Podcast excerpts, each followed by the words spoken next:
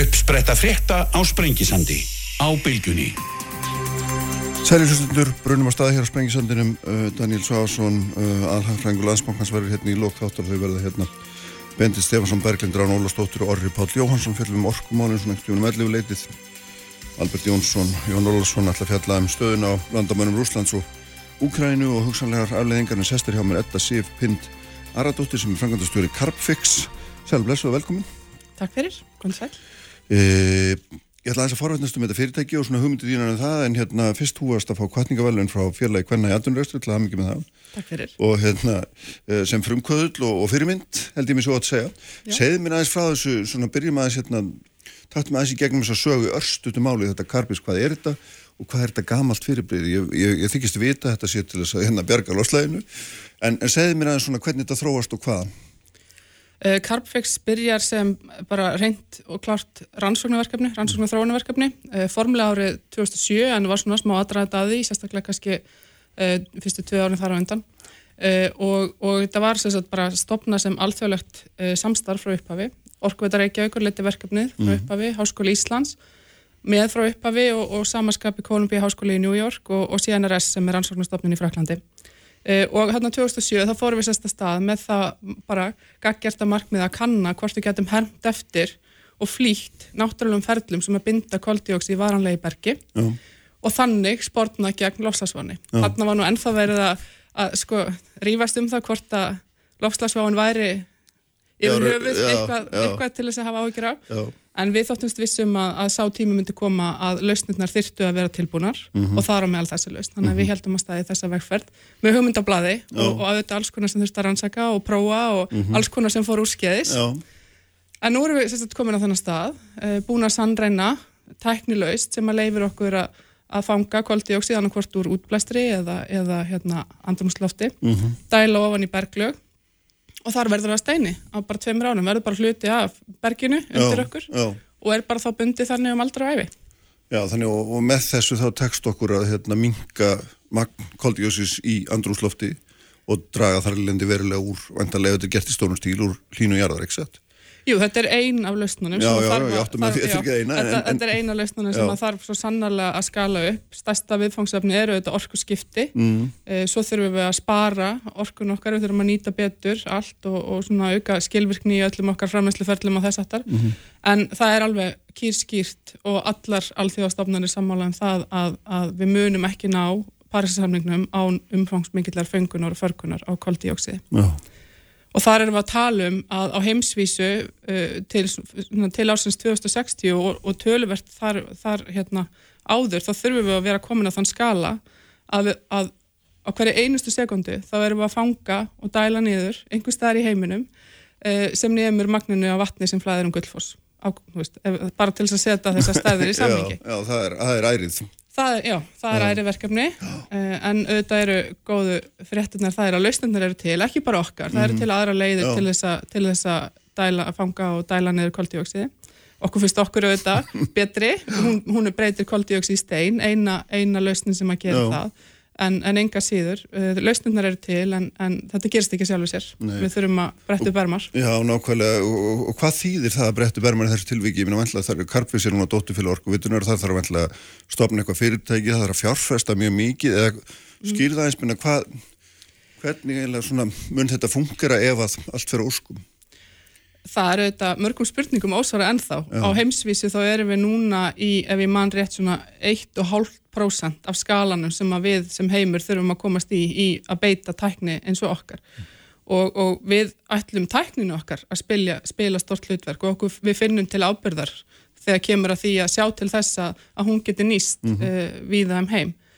Um, en, en við ætlum ekki að gera öll verkefnin sjálf, svo sannarlega ekki við viljum vinna með aðilum og erum að vinna með aðilum út um allan heim og það er alveg rétt, þetta mun kosta óherulega mikið fjármagn, þannig að við erum ekki að fara fjármagn allt sjálf en, en þetta mun auðvitað bara skýrast aðeins á, á komandi árum en, en hérna næsta stóra skrefið og kannski stærsta verkefni sem við erum að vinna núna til þess að taka gagger skref í skölun mm. er kótaverkefnið eða sótastöðin í, í Strömsvík Já. sem við erum að vinna að þar munum við hérna, geta sínt að, að tæknin virkar ekki bara á svona temmilega smáum skala eins og við erum að beita henni núna uh, fyrir hellisæðverkjum bara einfallega því það er ekki meiri losun sem ásýst að þar, uh -huh. heldur líka í miklu starra dæmi uh -huh. og þegar við erum komin þanga þá erum við komin með vettvang til þess að geta í rauninni, farið með svipið verkefni og, og aðrir út í heimi geta uh, með okkar aðstóð byggt upp eitthvað svipað og þá vonandi fyrir við að sjá uh, tölur í fengun og förgun sem að hafa raunverulega áhrif og losti en það mun taka tíma, þetta já. er alveg 10, 20, 30 ára vekkferð sko. Já, já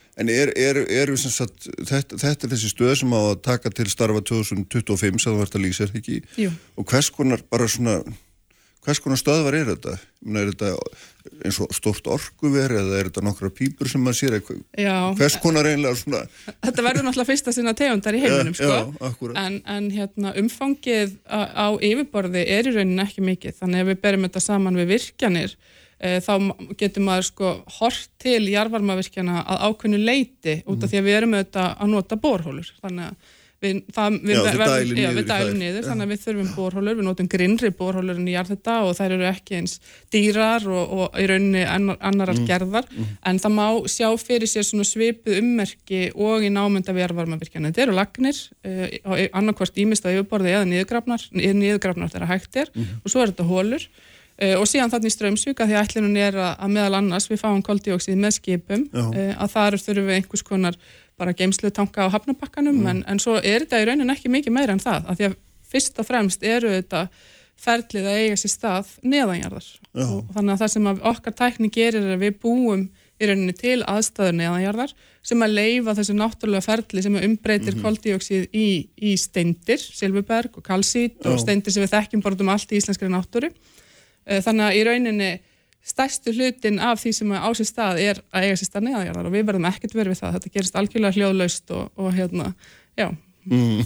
er, og þetta, þessu dælnir í basalt er það ekki nummer eitt? Og það er vegna að það er svona hólótt og, og hérna, mikið plássi til þess að fylla upp í eða er það ekki rétt skilja mér? Jú, annars vegar, annars vegar er það ofta tíðum hólótt og, og tekum vel við mm. uh, vatni með upplöstu koldioksið, við dælum koldioksiði niður upplöstu í vatni, bara sóta vatn Já, einmitt, en, hérna, en, en eiginlega það sem skiptir enn meira máli heldur en hvað, hvað hérna, það er mikið pláss í basaltinu er að það er mikið af ákveðnum efnum í því, málmum, mm. uh, kalki, magnísjum og, og hérna játni og þetta binst við koldioksið sem við mm. dælum niður og úrverða þessar nýju steindir. Mm -hmm.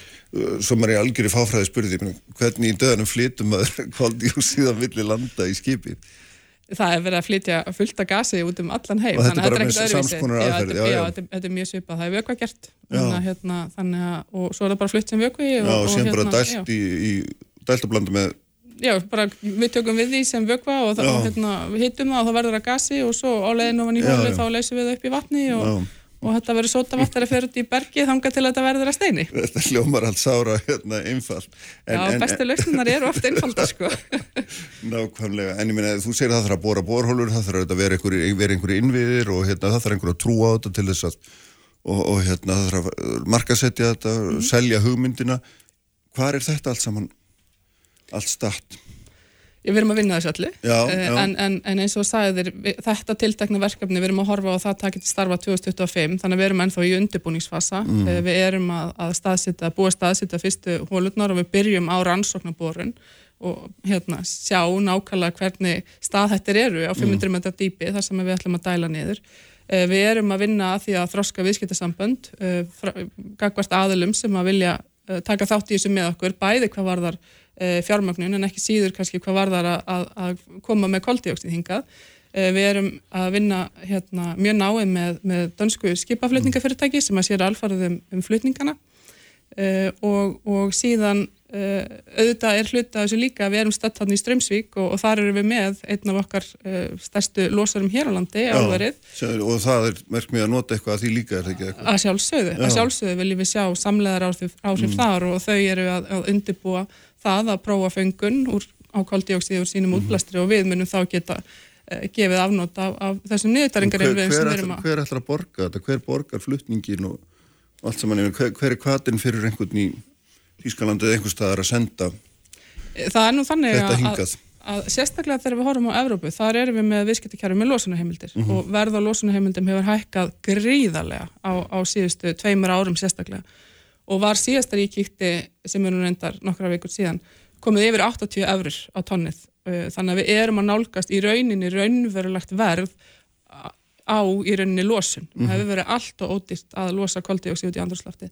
Þannig að ef við erum innan Evrópu, þá er nú þegar mjög mikill fjárhastlegu kvati fyrir stórlösendur að taka þátt í svona verkefnum og þau þurfa sjálfsög að greiða fyrir flutning og niðurdælingu en, en við þurfum að samaskapi auðvitað að byggja upp innviðina. Og þar horfum við til þess að fá fjárfesta með okkur. Við erum ekki komin þangað ennþá en það er á döfinni, það er hluti af, af næstu skrifum hjá okkur. Uh, þannig að, þannig að við munum stopna sérstatt félag um þessa starfsemi og, og bara byggja þarna upp þannig að Já. það sem vonandi getur orðið bara hérna stór uh, lofslagsvætn yðnaður, ekki bara hér á landi heldur uh, víða annar staðar og það er það sem við þurfum að halda, annars náum við ekki þessum gullforskala sem við þurfum að komast á en, en, en sérst, ef ég er, er versmiðegandi í Þískalandi aftur Mhm. þá, þá hérna þá afræði ég það að, að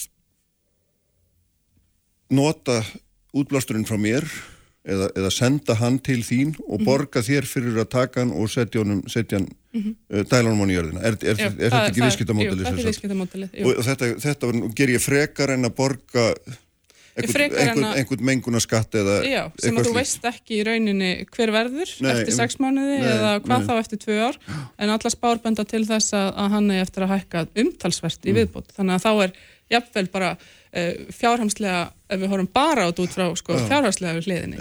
Langt um hagkvæmara að gera langtíma samninga um að taka þátt í svona verkefnum Mhm. en til viðbótar við að, að auðvitað vilja byggja upp þetta, þetta hérna, flotta spennandi verkefni þá viljum við líka sjá uh, undirbúningsverkefni fara af stað Erlendis þar sem við erum með svipaða jarfræði og við erum með hér á landi þannig að við getum staðbundið líka notað okkar tækni og dælt niður uh, víða um heim og það er auðvitað það sem við erum að vinna líka. Það er ekki hort til þessa að allt koldioxið sem að mun nota hérna, okkar tækni til þess að verða steinrunni að það muni koma til Íslands. Nei, nei. Alls ekki, en kannski eitthvað, sérstaklega hérna frá löndunum í kringum okkur og sama tíma erum við þá að undibúa uh, með í samstarfi við þetta, okkar samstagsæðala sambarleg verkefni erlendis.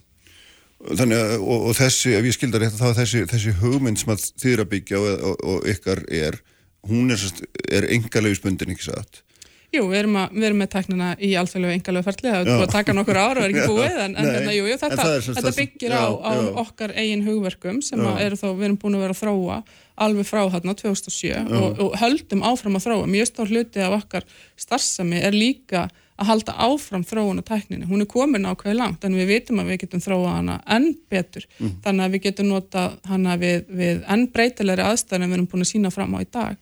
Þetta meina við annars konar jarfræðilegar? Já, hvort sem, hvort sem það er annars konar jarfræði, mm. svona, ekki basalt, en kannski einhverju svona já. ættingjar basalt, Já, uh, eða þá að nú notum við ferskva til þess að leysa koldioxid uppi þegar við dælum niður og það er sjálfsögur allt í lagi á Íslandi, við Mhm. höfum nóga vatni, en, en við vitum alveg að það mun ekki ganga í Indlandi eða á, á vestuströnd bandarækjana eða, eða viða annars þar um heim. Þannig við erum núna að fara í mjög spennandi verkefni um, út á Reykjanesi þar sem við ætlum að nota sjó til þess að dæla koldioxid upp í og, og hérna, búa að sína fram á það hjá Háskóli Ísland, þeir eru búin að vera að vinna að þessu á rannsóknarstofu mjög lengi, þetta virkar alveg upp vel og nú þurfum við að fara út í raunverulegar aðstæður Já. í náttúrunni og, og sína fram á það sama. já. E, Sko, er, er verðmæti fyrir utan ef við tölum um þessi umhverfisverðmæti eða lofslagsverðmæti, eru verðmætin fólkin í engaleifin, í hugvitinu umfram Já. allt eða er, er þetta í framkvæmdin eða hvernig, hvernig horfið á það? Mestu verðmætin eru bundin í þekkingunni og hugvitanum klárlega. Að þetta eftir því sem að fleiri stór verkefni uh, verða byggðu upp, auðvitað þeim er meiri verðmæti liggja í þeim líka og þá þeim svona hérna, tonnum sem við eigum inni hérna, því þessar, þessar hólur þar eru starfrættar í ára tögi og þannig að hérna, um leiðu við erum komið með innviði á stórum skala þá eigum við mjög gott í vændum ekki bara hvað var þar hugvitið heldur mm. þetta líka lofslagsávinning mm en, en ég myndi segja að, að já, það er langmesta virðið bundið í tækninni sjálfri en það sköpum við tækifærin úr henni Já, nákvæmlega. Hvernig er, hver, þú veist, þú ert búin að vera að þessu síðan 2007 og ég veit ekkert um það hvort það er langur eða skammur tími í raun og veru, en, en hérna, ég hvernig gengur að reyka þetta áfram? Að því að það er svona oft tölum víslinga mikið um nýja tækni en svo þegar maður fyrir að tala við fólki sem er að rauna vinninni þá segir það að ég fæ enga peninga og ég kemst ekki áfram, það er allir jákvæðir en svo gerist ekki. Hvernig, hvernig er þetta raun og veru afhjúpa það er raun og veru hjá ykkur? Já, já, við, svo sem þekkjum alveg þetta líka sko, Vi, við njótum auðvitað mjög góð stuðnings uh, eiginlega allstar það sem við komum en mm. svo eru auðvitað bara takmark fyrir hver getur svo stuðningu verið En, en mér finnst nú, ef við berum okkur hér á Íslandi saman við hvað nákvæmlega hafa verið að gera, því að við stöndum auðvitað frammi fyrir í rauninni fordamælausu verkefni. Við þurfum að umbreyta svo rosalega miklu á svo stuttum tíma til þess að ná þessum markmiðum sem við erum búin að skrifa undir að við ætlum að ná. Já. Og mér finnst kannski svona aðeins svo mikið hort til þess að, að svona, þau, þau almennu stuðningskerfis og, og regluverk, hvernig svo sem það er, hvað sem það er um hvernig við undirbúum niðurdælingaverkefni og hvað leifi við fáum og sem langan tíma á að fá að afla leifa og eitthvað svoleiðis eða hvernig er hægt að styðja við frekari uppbyggingu uh, hugvits á Íslandi. Mm -hmm. Mér finnst kannski að, að það sé svolítil skamsíni að horfa til þess að, að í rauninni kerfi sem kom okkur á þann stað sem við erum í dag sé sama kerfi og er að koma okkur út í. Það þarf það þarf nýsköpun allstaðar mm -hmm. og mhm. hún þarf líka eða þessi stað uh, hjá yfirvöldum í hvernig ætlum við að sjá til þess að uh, þessi mikilvæga verkefni fara að staða. Þá er ekki bara að tala um verkefni sem snúað okkar tækna. Þetta eru svo rosalega margar lausnir sem við þurfum að innlega og ef að við erum uh, svona ekki með næ, nánar næstum því eins öflugt stuðningsnet og ferla til þess að hjálpa verkefnum að stað og löndin í kringum mm -hmm. okkar þá hættum við þetta á það að, að frumkvöla verkefni uh, þau verði ekki byggð upp hér á landi heldur einhver strannastar. Þannig að þetta er auðvitað líka bara hvað viljum við sjá uh, fyrir Íslands atvinnli. Við getum svo vel tekið okkur leiðandi stöðu. Við erum víða í leiðandi stöðu, bæði hvað var þar niðurdælingu á koldjóksið en líka margt annað. Mm -hmm. Ef við viljum halda þeirri stöðu þá þurfum við þetta að, að styðja við þá vegferð. Mm. En eftir segja mig með öðrum orðum að það hef ekki verið nægilega gert. Ég hefði alveg viljað sjá meira gert, Já. en ég átti mig á sama tíma á að, að Ísland er aldrei að fara að geta stutt við verkefni eins og okkar á sama hættu á Noregu til dæmis. Ég átti mig alveg vel á því, en mm. það er, mér finnst að það mætti vera meiri skilningur á að það þarf annars konar nálgun. Akkurat hver svo nálgun er, það er hægt að finna ólíka leiði þar, en, en við þurfum uh, nýsköpun, finnst mér líka, mm. í svona stuðningskerfum og regluverki, hvað varðar uppbyggingu. Mm ferla og leifis, leifismála á þess aftar. Mér sýnist alltaf þegar maður lesi gegnum þessu sögu þess að maður getur á, uh, þá, þá er eh, vonda Európa-samandið, það er hérna, það er ansi mikið á bakvið ykkur og hefur raun og veru hérna sett hvað mestan pening inn í Alveg.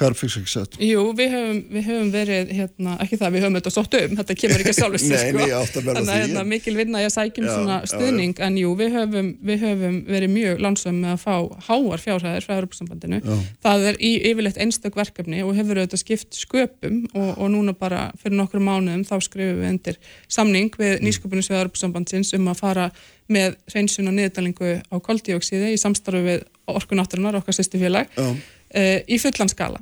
Að, og það, skipt, það munar um minna fyrir Ísland, bara mm. með þessu eina verkefni þá erum við að ná fram 10% að ég mann rétt af okkar markmiðum til 2030 um hvað við ætlum að minka losun í orkuframleyslu mm -hmm. þannig að bara þetta eina verkefni gerir, gerir hérna, stuðlar af því. Þannig að Európsamandir þess tilvikið að setja einhverja fleiri hundru miljónir inn í þróun af þessu Já, já, fengu 600 miljónir í þetta eina verkefni og, og það er stærsti svona styrkurinn sem við höfum fengið. Við höfum fengið nokkra, nokkur hundru miljónir styrki í gegnum árin og það munar auðvitað heilmikið um það. Já, einmitt. Eitt af því sem ég rækka auðvun í og hérna, þú nefndir nú líka aðeins áðan þrjóðast að tala um samlegar áhrifin við í Strömsvík er verkefni sem þið eruð í sem, með hérna, stóriðinu í landinu um að fanga kvaldísýring eða útblásturinn frá þeim og dæla honum beint nýður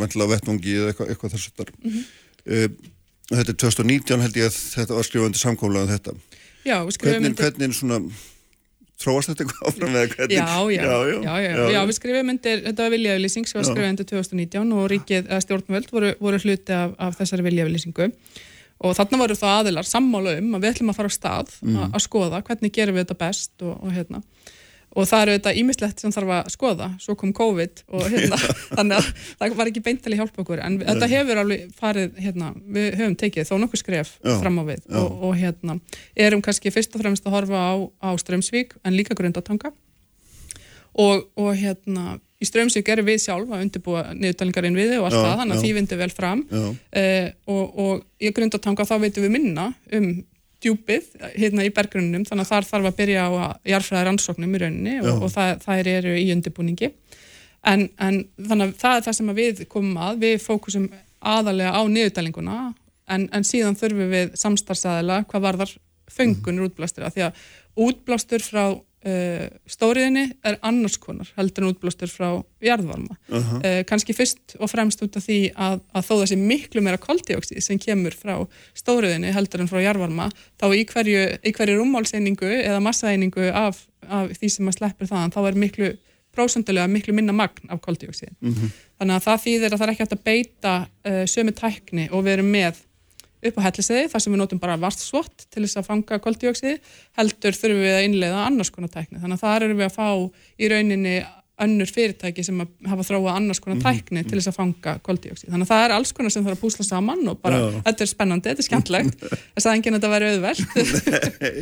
Nákvæmlega, en hvað er svona tímasettu aðeins fyrir mig segjum, segjum hérna veist, frá því að þú segir já við því að dæla hérna niður úr grundatangað þangað til að mm. er þetta tíu ár, er þetta tíu ára prósess með rannsóknum og, og öllu þessi hvers konar svona, veist, á hvaða skala erum við að horfa á á þetta? Kanski til þess að komast á fullanskala Já. þá erum við að horfa á alltaf tíu árum Já. sérstaklega á svæði eins og grundtanga það sem ég sagði að við vitum ekki nei, nei, við þurfum raun að byrja á rannsókn um, þannig að þá má, þá má gera ráð fyrir kannski einhverju svoleiðis en auðvitað erum við smám saman að taka ákveðin skref, byrja og prófa að dæla einhverju niður og svo auku við við þannig til við komum í fullanskala mm -hmm. þannig að innan, innan fimm ára væri við komin með heilt kerfi í rekstur en Já. kannski ekki á fullum skala uh -huh. En hins vegar ef við erum að horfa á, á svæði þar sem við þekkjum hlutina mjög vel eins og til dæmis eh, helliseiði eða eitthvað svoleiðis þar sem við erum núna búin að taka, eða orka náttúrulega búin að taka ákveðum að fara í fullan skala mm. og þá tekum það bara kannski þrjú ár af því Já, þá erum við bara að byggja, byggja meira upp, við vitum hvernig hlutinni líti út, hvernig Já. við ætlum að nálgast þetta mm -hmm. þannig að hérna, þó að það séu þetta alltaf rannsóknir og þróun í að fara úr smæri skala í starri skala mm -hmm. að því að við byggjum á svo góðum grunni þar þá tekur þetta munst eftir tíma uh -huh. Og þú, þú talaður á hann um að þetta það getur til yðnaður umhverfisvæðin yðnaður út úr þessu Það þarf að verða já, til yðnaður Já, mitt, ok, allt í fína En hva, hvað þýðir það líka? Svona, ég menna, er, er yðnaður 20 manns við 12 að, að hérna opna lokur eða er þetta, ég sá einhver staðar að mér minnir 600 manna vinnustöður í Strömsvík bara, er, er þetta svona mannarpsfrekt? Nei, í raunin ekki, það, það, það er tölur, það er í rauninni hérna, byggja á uppbyggingu verkefnisins og rekstri. Já, þetta er fyrst og fremst mannarpsfrekt þegar kemur að uppbyggingu, af því það þarf auðvitað fullt af höndum til þess mm. að leggja lagnir og bóra og, og allt það sko. Þannig að það er, er mannarpsfrekasti hlutin. Uh, kerfið sjálft er ekki, ekki fullkomlega sjálfvirt en það þarf auðvitað eitthvað, eitthvað, eitthvað starfsfólk mm. en, en ekki, við erum ekki að tala um sömum mannálstarfina og er til dæmis í, í stóriðinni, þetta, þetta er annars konar mm. en, en, en þegar við erum í uppbyggingafasa þá þarf, þá þarf mikið af, af, hérna, af fólki að sjálfsögðu um, en þannig að þegar ég er að tala um yðnað, þetta er mm. annars konar yðnaður, hann er að miklu miklu leiti sjálfvirkari heldur en það sem að við þekkjum kannski í dag en það er þetta yðnar sem er búin til fyrir framtíðina sko. Og við erum öðrum stað núna heldur en við vorum fyrir 50 árum þegar við varum að taka fyrstu skrefin í, í að byggja upp álverð hér. En hérna en, en já, þannig að þetta er það þurfa það, þurfa, þetta, það muni skapast fylgt á störfum. Og, og ef við horfum á, á okkar hluta af menginu í, í lofslagsækjörðum, fengun og niðurdæling og koldioksiði, þá er gert ráð fyrir á komandi árum á heimsvísu verði til hundra og eitthvað þúsund störf bara í þessu og við viljum auðvitað fá hluta af þeim hinga til Íslands þetta er mjög vermað störf, þetta byggir á hugviti og við, við höldum áfram að byggja mm -hmm. uh, upp ný engarlefi eða hva, hérna, hvernig svo sem að hugvitið er venda sko. þannig, að, þannig að það er til mikils að vinna fyrir okkur á Íslandi að, að svona passa að, að þessi, þessi græni lofslagsvæni yðnaður mm. að hann eigi líka heima á Íslandi Já, en erum við í stöðlega að selja þetta hugvit? Algjörlega, algjörlega, það er engin annar í heiminum sem er að, Nei, ef við harum bara það sem, svona, að, að, við erum að gera, þá er engin annar í heiminum sem að dæli niður koldjókstíði með þeim hætti sem við gerum og umbreytrunum í stein, mm -hmm. það er mjög mikill áhugi. Það er mjög mikill áhugi. Mjög mikill, já. já. Við, grínlust, við höfum ekki undan að, að svara fyrirspurnum, hérna. Uh, og, eða alvöru fyrirspurnir eða bara svona verið að þreyfa já, nei, nei, nei, alvöru fyrirspurnir, alvöru fyrirspurnir. Og, og við nálgumst til dæmis verkefni Erlendis, við erum alveg að, þó við verkefni í Strömsvík sé stærsta verkefni sem við erum að vinna og það við erum að vinna því að koma hellisaðvirkjun á hérna, í að vera sporlaus þá erum við að undirbúa verkefni erlendis líka. Mm. uh, og, og þar er við þar er nálgust við það að það þarf við að byrja bara að skoða hvernig er best að gera þetta í þessu tiltekna stál, stálveri eða eitthvað svo leiðis og, og það er bara byrjuð eftir, eftir að koma staði í þannig stúdíu hjá okkur. Þannig að, hérna, þannig að gríðarlega mikill áhugi en, en auðvitað ekkert vísta öll verkefni verða á endanum að veruleika. Það hendar að gera þetta staðbundi sumstaðar ekki annar staðar og, og hérna, við þurfum bara að sjá hvað hva verður út af því. En, en tækifærin eru gríðarlega mikill Eru þið að sína ráðgjöf eða, eða hvernig? Já, við sínum ráðgjöf, já, já, algjörlega Þannig að þið farið á hvert stað og, og ráðleikið þeim sem að... Já, við höfum ekki getað far, farið mikið síðustu tvö árum, sko. Ekki, er, en en maður kemst ótrúlega langt. Já, bara, fyrir að hérna, stýttast því að við getum farið að fara til, já, já. Jú, jú, við sinnum ráðgjöf og, og hérna, eins og staðanir í dag, þá er það okkar helsta, okkar helsta tekjulind uh, og síðan þegar við förum í að byggja fleiri verkefni, þá fáum við þetta tekjur á því líka og svo leifskjöld fyrir afnóta tækninni þegar það er fyrir að nota hana á stærri skala. Þannig, hérna. Spennandi. Mjög spennandi, sammála. Mjög spennandi. Herri, takk fyrir að koma og hérna fræða okkur um þetta allt saman. Takk. Í þróðlegasta mál, það verður nú vist að, hérna, verður einhver logið um það. En ég ætla að fara hérna eh, á landamæri Rúslands og Úgræn eftir Ragnar Bleik, Jón Olsson og Albert Jónsson verðið hjá mér. Kraftmikil umræða, alla sunnudasmórna, sprengisandur á bylgjunni. Sandur á bylgjunni. Sælir hlustundur, þetta séf Pind Ardótti farin frá mér eftir hér Mjög frólega yfirfærið þessa mögnuðu hugmynd sem að karpfixið er nýðudæling koldjósís í, í berg og hérna þar með mikinn ávinningi í, í lofslagsmálum þetta er nú alveg mögnu tækni sem maður segir þannig þú er hljómið kjánlega og maður hljómið og dínasórus en hérna sestir við hjá mér Jón Ólarsson og Albert Jónsson. Velkonni báðir. Albert hérna, fyrirhandi sendið er á sérfræðingur alþjóðamálum og Jón auðvitað prófessor við háskólan og einn okkar fróðustu mönnum um um Rúsland, rúsnesk málumnikil tími sem ótt að fullera þannig að sko nú standa menn gráði fyrir játnum eins og sagt er á landamærum Úgræn og Rúslands og hérna maður sér að hálfur heimurinn er að velta fyrir sig hvað er á segði hvað er þetta, er, er, er hérna, rútin, er, er Rúslands keisari og svo má kalla og um deildur þarna að nikla veðvan eða er hann að fara að gera eitthvað? Eitthvað verður hann að gera sæði bætin en hvað er það? Já, nögluslega nikla veðvana Já, það, það er sko, ég er búin að fylgjast með þessum spekula, þetta eru spekulasjónir en þá já, mjög mikið, ég er búin að fylgjast með þessu marga vikur já. og hérna mikið, mikið einaður á netinu og við það margir sem hafa aðvinu að skrifa þetta sem betur fyrir er þetta á ennþá getgóttu stíi en Sko, það eru hundra þúsund hermenn konir að landa já, það er í gangi fyrra voru er að sko, þetta er meiri liðsafnar þó ekki mikið meiri en það sem er áhugaverður og veldur áhugjum er að hann hefur sífælt meira ákveðin einkenni. Það verið að bæti hann, fyrsta lagi, mm. ég sá hann bara nettin í morgun, það eru lestar á leiðin allarleið frá Kólaskaga með skriðdrega og hérna, brinnvarðabíla og trukka og fleira og þannig að það er verið að bæti í hann en síðan eru allsins aðri hlutur í gangi, það eru aðflutningar, það eru byrðaflutningar væntanlega þegar bandaríkjumenn er að vara og úkrænumenn við þá eru þeir búinir, það eru stöðut og ferðinni bandarískar njósna eftirliðs og hlerurnar flugvílar og, og svo framvegis, þannig að það er eitt af því sem fylgst með eru fjarskipti. Þannig að það eru svona ímser indikatorar eins og sagt er sem að benda til þess að þeir eru ekki tilbúinir en á næstu vikum gætu verið það með skamið fyrirvari. Öðru lagi sem veldur ákjum er þetta að þeir hafa sett fram kröfur rúsar sem í efnislega koma kannski ekki óvart en þeir hafa sett þar fram á bara á bladi mm -hmm. og með þeim hætti að maður sé nú ekki að það verður öðvöld fyrir þá að bakka út úr þeim. Og jáfnframt er þetta kröfur sem eru þess aðeins að fyrir NATO-ríkin er það óaðgengilega eins og hefur verið sagt reynd út. Þannig að það er ekki mikið bjart sínum að menn nái diplomatíski málamílun eins og hafa rúsar ímsar aðra möguleikar, í stöðunni en að gera innrás. Og uh, svo hafa NATO-ríkin ekki neitt annað í höndunum en að hóta efnahagsaðgerðum eða mm. efnahagsþvingunum og það er verulegar efasemtur um að það sé trúverðu hótun. Og en hins vegar eitt sem kannski hafa alveg strax skilt að það er ekki verið að tala um styrjald milli NATO og, og Rúslands Það, ég held að bara svona láta hlustendur heyra það við erum ekki að sko, Albert Jónsson róar heimsbyðina það er ekki góða hretti fyrir fólki í Ukræni sko. en bara til að hafa hal og reynu við erum ekki að tala um já, það sko. já. það er, er enga skuldbindingar í garð Ukræni að því leti til og bara, Úkræna tengist einfallega ekki þjóðar öryggisaksmunum bandaríkjana með þeim hætti og bandaríkins stjórna ferðinni alfarið mm, mm.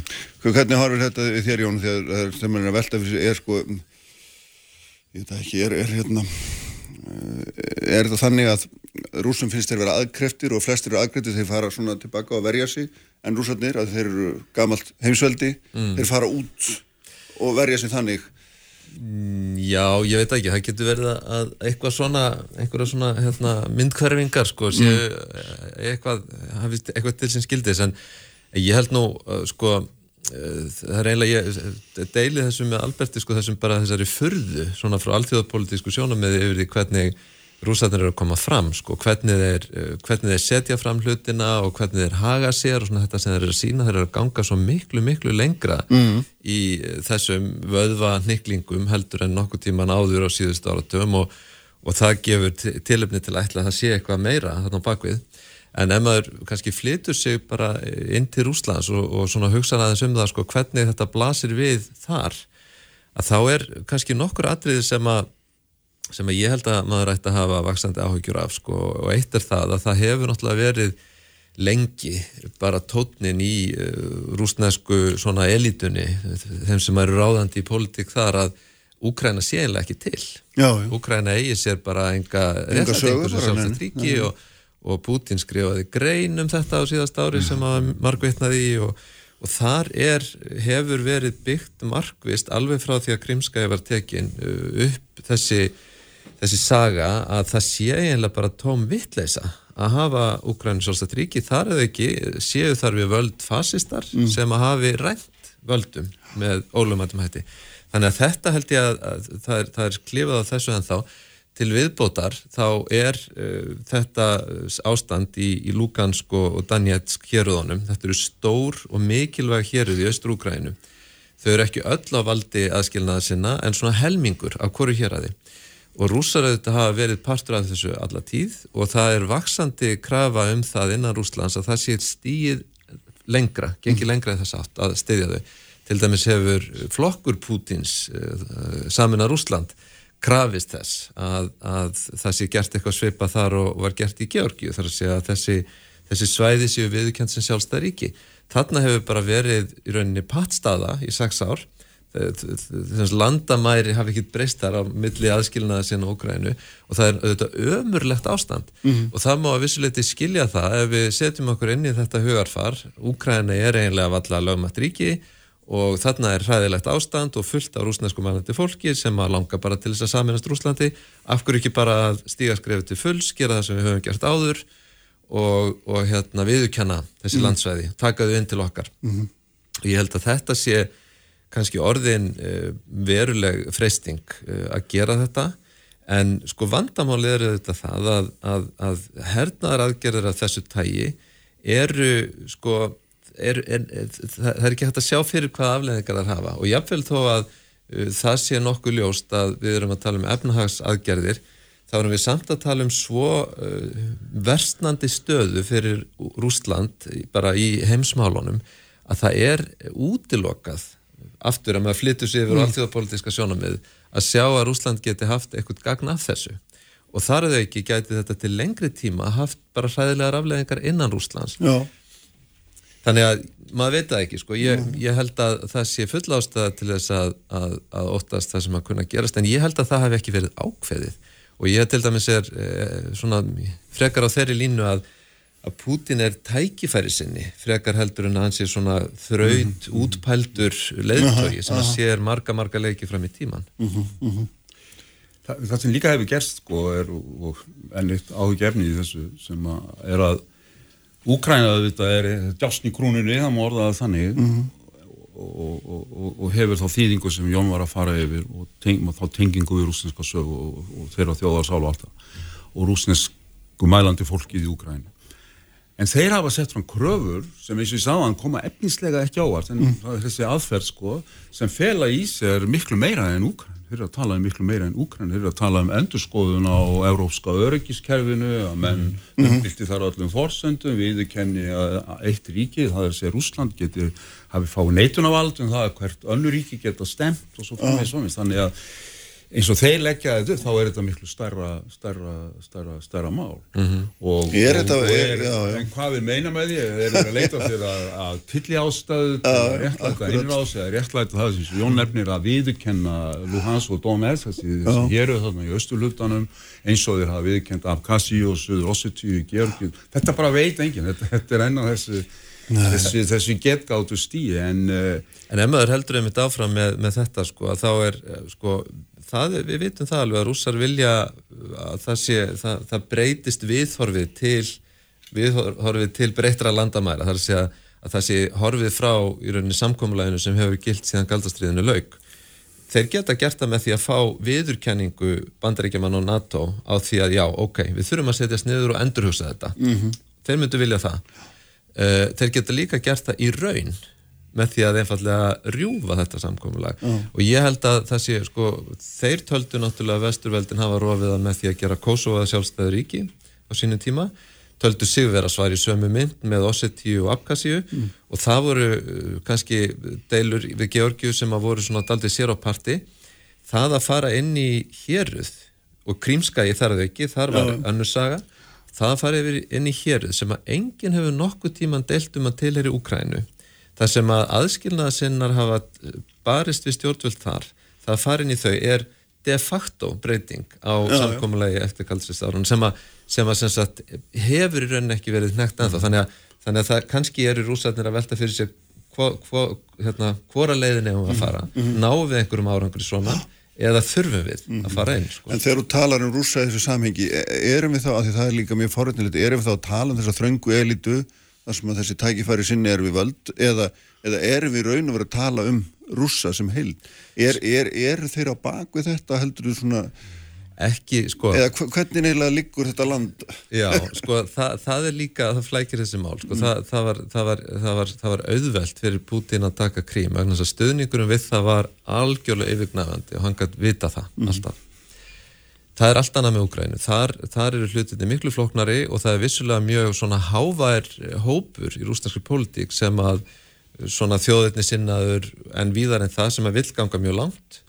En sko það er skoðanakannanir sem maður hefur séð og svona almennt það sem að tilfinningin sem að ég hef fyrir stemningun í rúsnarsku samfélagi er svo að þetta er því miklu miklu umdeldara og þar með miklu áhættusamara. Það gæti spilast vel út en það gæti líka gerst farið allt á, vestaveg og þá er náttúrulega þarf svo lítið til og ég held að það þurfi líka þess að hafa í huga að, að, að þessi staða Pútins, þessar ofbóðslegu vinsældir og, og allt það sko, eða þessi ofbóðslegu stuðningur, sko þetta getur breyst mjög rætt og það er það sem að uh, Pútin hefur alltaf óttast uh, að, að hérna eitthvað gerist svipað á Júgræn 2004, einhver svona litabilding eins og þeir kallaða, það fari eitthvað á stað og hann sé bara áður en að veita búin að missa tökin þá skiptir engum máli þó hann hafi vikuna áður verið með 80% í skoðanakönnunum sko.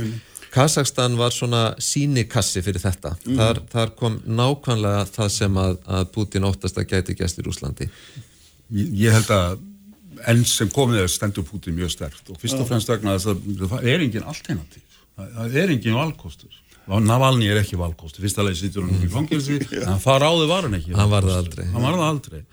Þannig að hann stendur sterk að þessu leiti og svo eru sumir sem benda á að kannski er það það sem allir bara vilja þetta svona malli áfram. Já, já.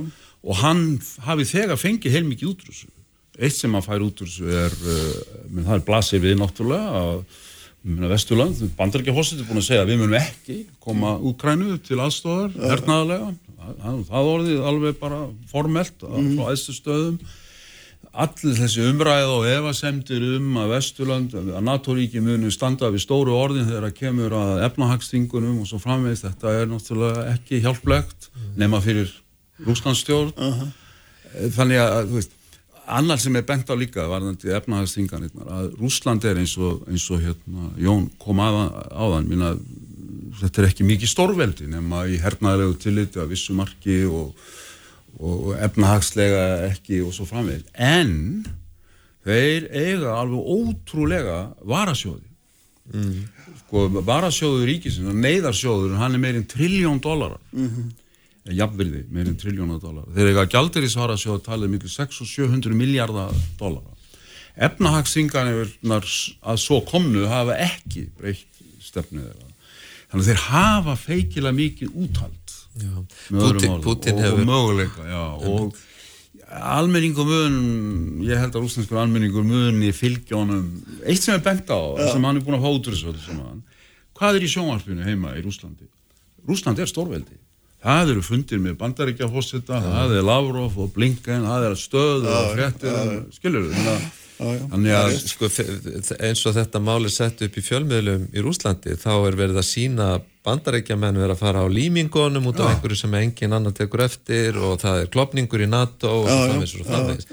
en, en það er kannski, kannski eitt í þessu sko að, að hérna varðandi efnaðastvinganirna sko að Putin hefur náttúrulega sparað sig í uppbyggingu innanlands, Putin eða Rús, Rúslandsstjórn, það hefur verið lögð áhersla á varasjóðin mikil og, og, og meðal annars til þess að geta tekið á svona hlutum. En, en það er annað sko með efnaðastvinganirna sem að, sem að þetta gerir þær ennþá floknari þar fela í sér svo sásöka fullar aðgerðir fyrir þá sem beita þeim.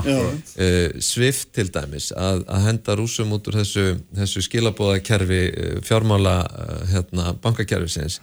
Sko það er stórmál og getur haft ofyrir síðar afleðingar það myndi þar að ekki kannski vera minnamál fyrir rúsa að krabla sér fram úr því því að þeir hafa alternatív sem þeir hafa að þróa með kynverjum mm -hmm. og, og það veit engin í rauninni hvað myndi gerast ef að, ef að farið þeirrið út í eitthvað svona. Það er miklu, minn, miklu meira mál heldur en var með Íran á sínum tíma annað er, er, er gasið sko. Núna til dæmis að þá, þá sko er Nord Stream við það að fara í gang. Það mun lækka verð á gasi í Evrópu verulega.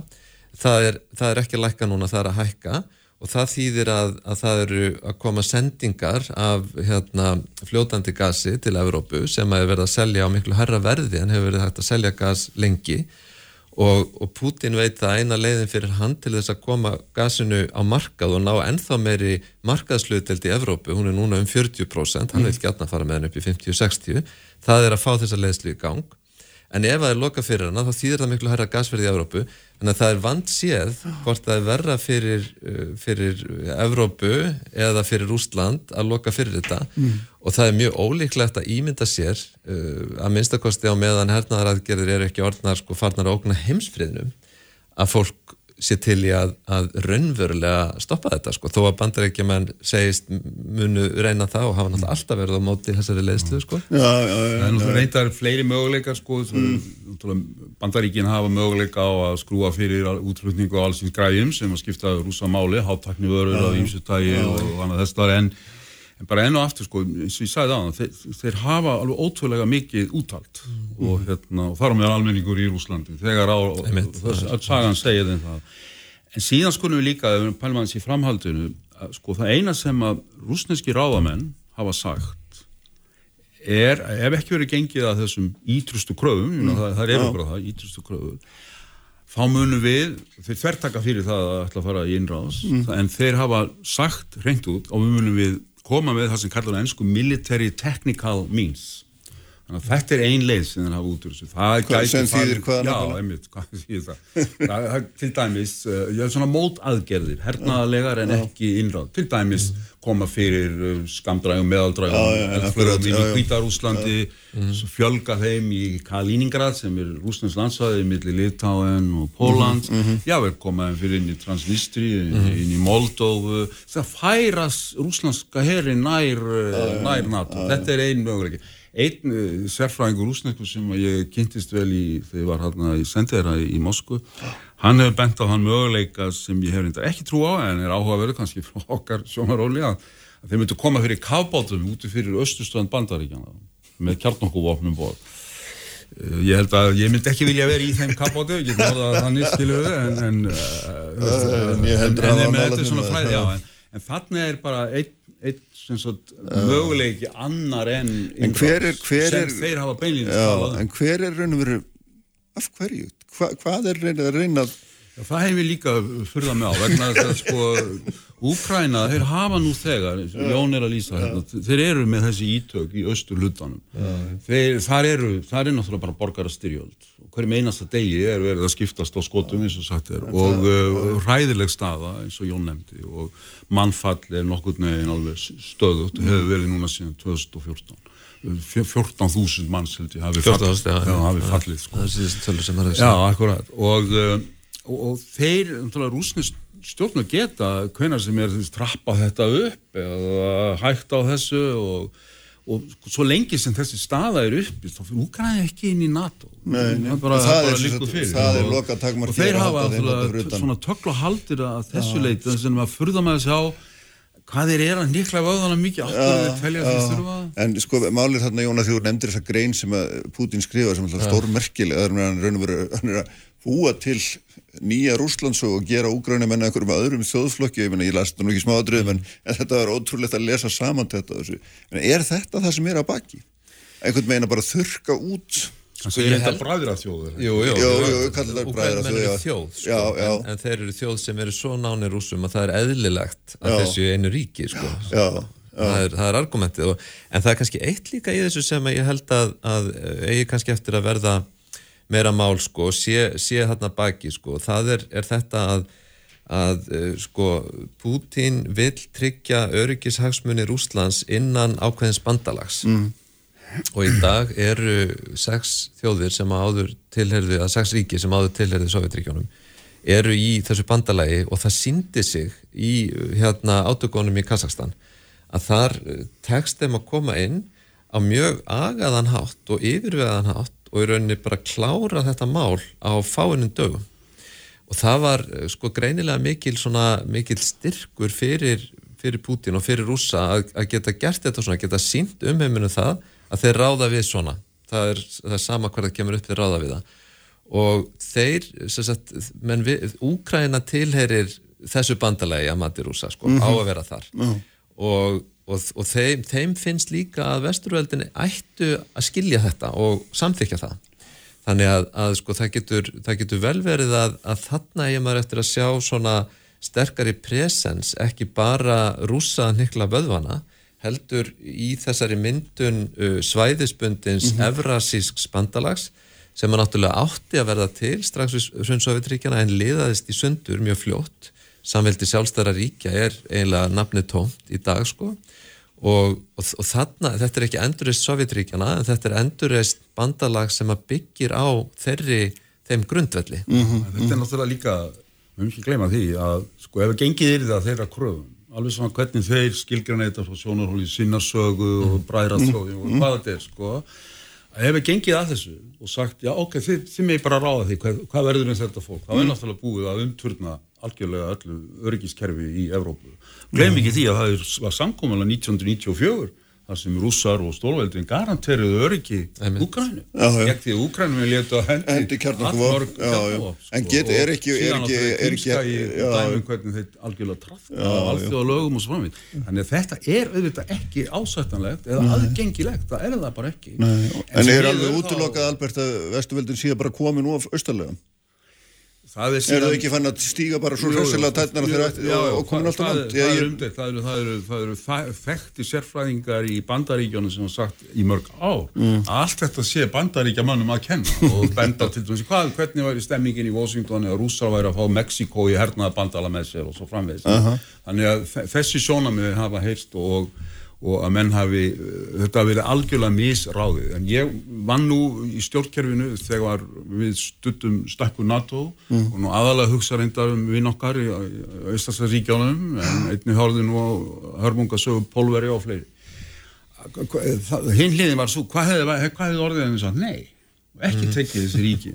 En þá er spurningi hversu, hversu langt átt að ganga? Og það er ég kom ekki nálaðið uh, ákvörðunum sk- skuldbindingi Það ekki hægt að gegn Úkrænu og. Georgi og fleiri. Það, það, og um, það, þetta er ekki, þetta er ekki þannig að vestamegi segja allir að þetta var alveg rétt að pólici en hún er umdeilt Já, og við megum ekki glemma því líka að, að þessi ríki, ég meina Estralsríkin sérstaklega töldu bara ekkert annað komið til greina. Það er sem sagt óttin við Rúsland af sögulegum pólitískum ástæðum er djúbstæður og náttúrulega Póland líka og, og ég meina þannig að það er ekki eins og, sko, eins og þessi NATO útþensla hafi bara verið komið innan frá bandalæginu, hún kom vegna þess að þessi ríki grátt báðum þar. Já, já, nákvæmlega. Og það er líka mjög skemmtileg kenninga því við erum konur svona aðeins til hér að þarna að, að allt gangi þetta út á það að gera bætin vandræðilegan svo Trump vinni örglega næsta því að hann er svo tilbúin í að eins og alla góða samsæðiskenningar er einum og Já, að því að hann sé víst með að draga NATO tilbaka sko. já, já. Þannig að þá er Putin ekki tækifæri heldur einmitt þessi mikli strategisti sem að Já, ekki gegnum Trump vel að móta pólísíu bandaríkjana kakvart Rúslandi meðan á fórseti Nei, nei, nei, ég segi nú bara svona ég las þetta ykkur stöðar fast að fyndið en hérna En þetta er bara fyrir að ítrekka, þetta, er- þetta er, mjög- þetta er áhyggjumál þetta, Já, er það staða- ekki? Já, Men það eru 100.000 lýsafnaðurinn og það er Já. líkurnar á diplomatíski málamölinu sem sagði, eru, eru ekki miklar og þarna eru prinsip á ferðinni sem að, sem að NATO-ríki, bandaríkin geta aldrei sætt sig við að, að láta í hendurnar á, á rúsanskum stjórnvöldum. Mhm. Hvort síðan er þetta að finna einhverja leið til að lifa við þetta og þetta matli einhvern veginn áfram, það er önnur saga en þetta er alvarlegt og hættulegt mál bara til að undistrykka það. Já, einmitt. Það er rétt. Herru, takk fyrir að koma báðu tveir. Frábært yfirleitt hérna, bestu þakkjur. Ég ætla að fjalla hérna um orkumálunum eftir Berglind Rán Ólastóttir, Bendi Stefansson og Orri Páll Jóhansson verða hérna hjá mér. Sprengisandur. Sprengisandur. Alla sunnudaga á bylgjunni.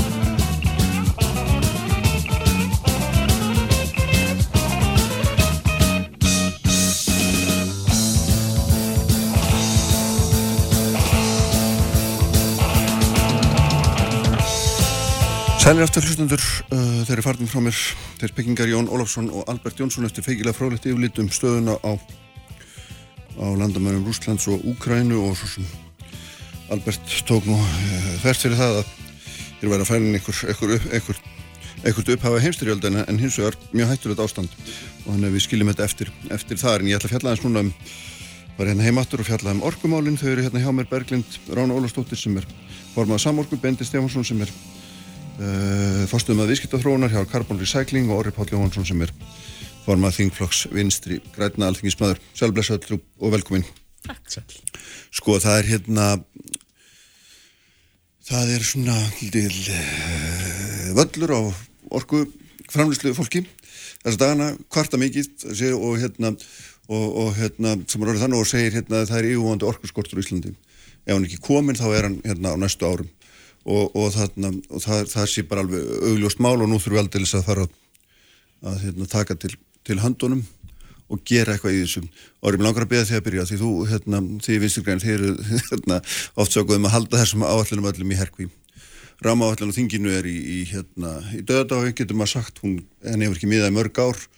Miklu, miklu óanæg uh, hérna, og svo framvegis og, og, og orkuskiptur er framundan, ég menn þetta er stort mál því að orkuskiptur er framundan sem ég segja þurfa að auka, hérna, framlýslunum 50% uh, aðri segja þurfa ekki að gera neitt að sinna á lokinni álfuri, ég menn það er hægt að horfa á þetta frá svo mörgum hliðum hvernig kemur þú að þessu?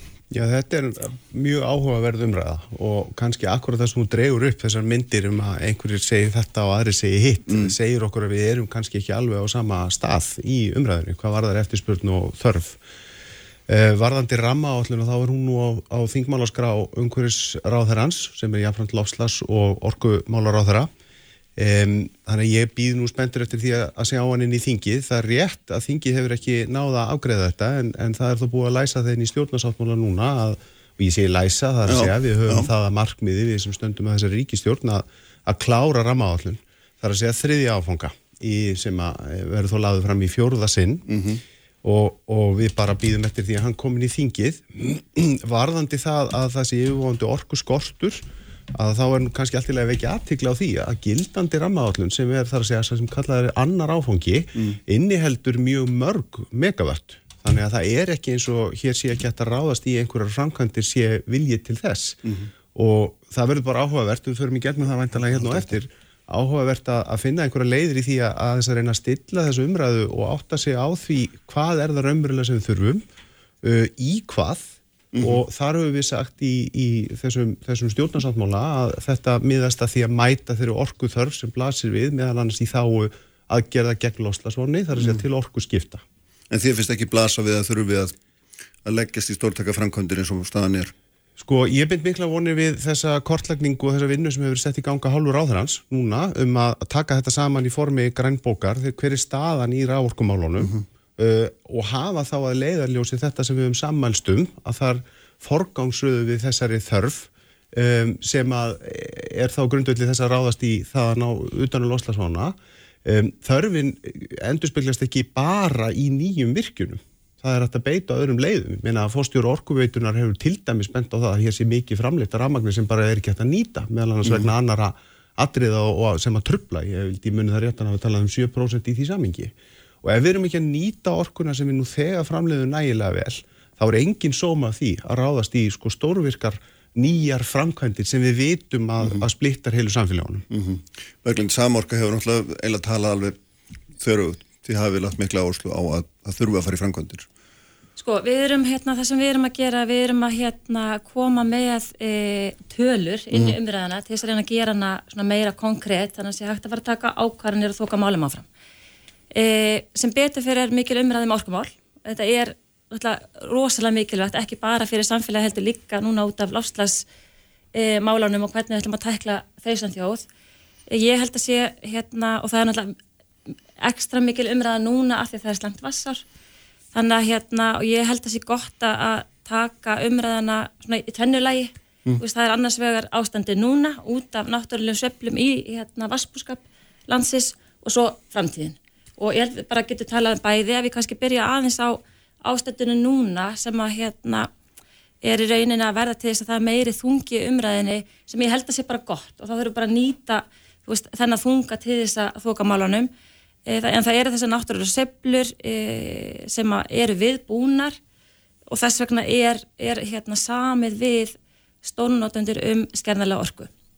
Þeir, þessi stórnóttundur í Íslandi hafa þurft að skerða og eru núna uh, að skerða og eru þá að verða af tekjum og vegna þessa afverðaverð stórnóttundur núna er mjög hátt. Þá er þetta mikið fjárhastlegt áfall þó að þessi raun gert ráð fyrir þessi samningum. Þá er þetta slemt fyrir stórnóttundur núna e, en, e, að, en þetta er ekkert endilega nýtt, svona er kerfi byggt upp. Mér langar að draga fram eitt í samingi við sérst, hérna, e, vassári núna og stöði sem er svona einhver leiti ný vegna tengingar við loslasmarsmið og það er ekki bara stónunóttur sem er á skerðarleiri orku heldur að líka bræðslunar á skerðarleiri orku og rafkindar veitur er á skerðarleiri orku fyrir þegar kerfið var byggt upp á sínum tíma þá var þetta rauninu bara spurningum kostnað og bræðslanum þeim leið ekkert illa þó þau væri að keira á ólíu. Þau gerði það að það var ódýra en skerðalega rafmagni sem var mjög ódýrt.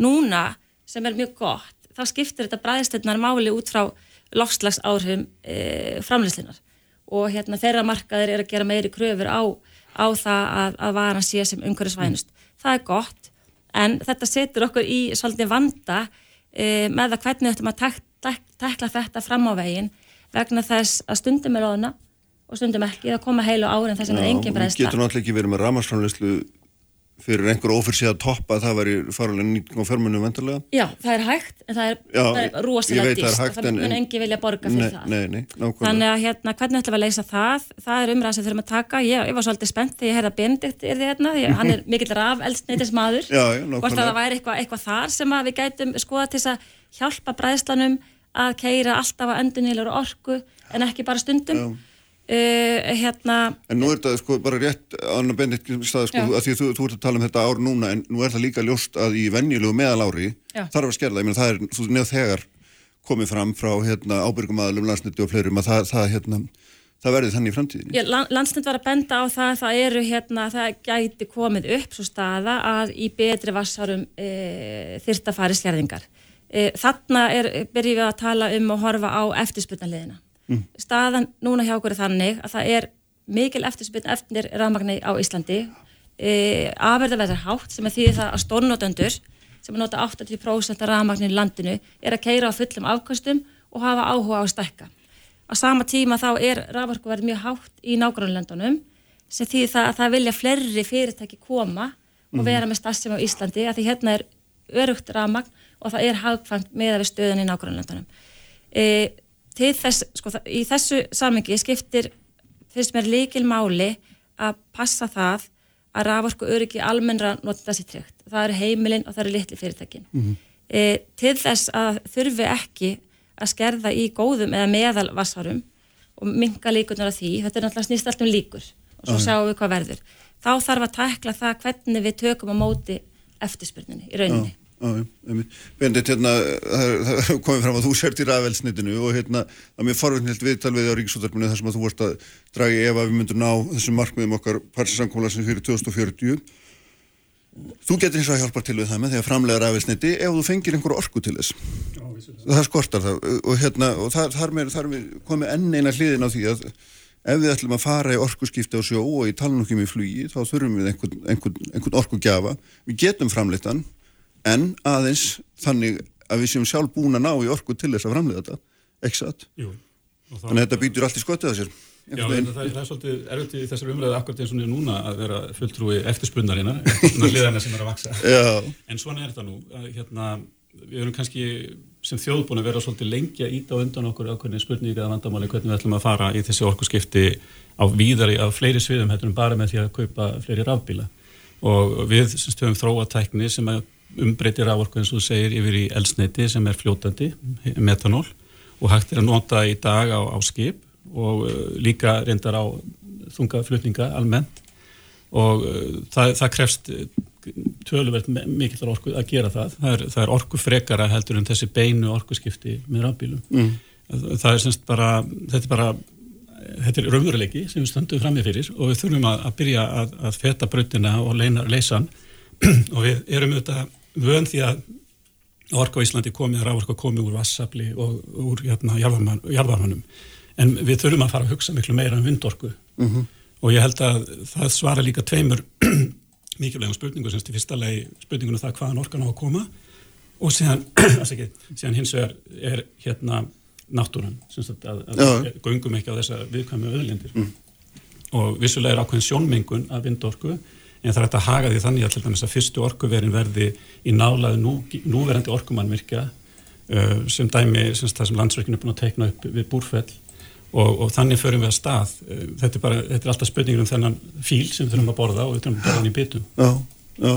Ég meina það, orri, sko, svona, ef við ætlum í orkuskipti, og tala nú ekki um ef við ætlum að fara alla leið í að hérna, knýja skip og flugvilar með hérna, umhverfis vænum orkugjöfum, þá verðum við að fórna einhverju. Ég meina, finnst þér það ekki vera þannig? Sérð þú það ekki þannig?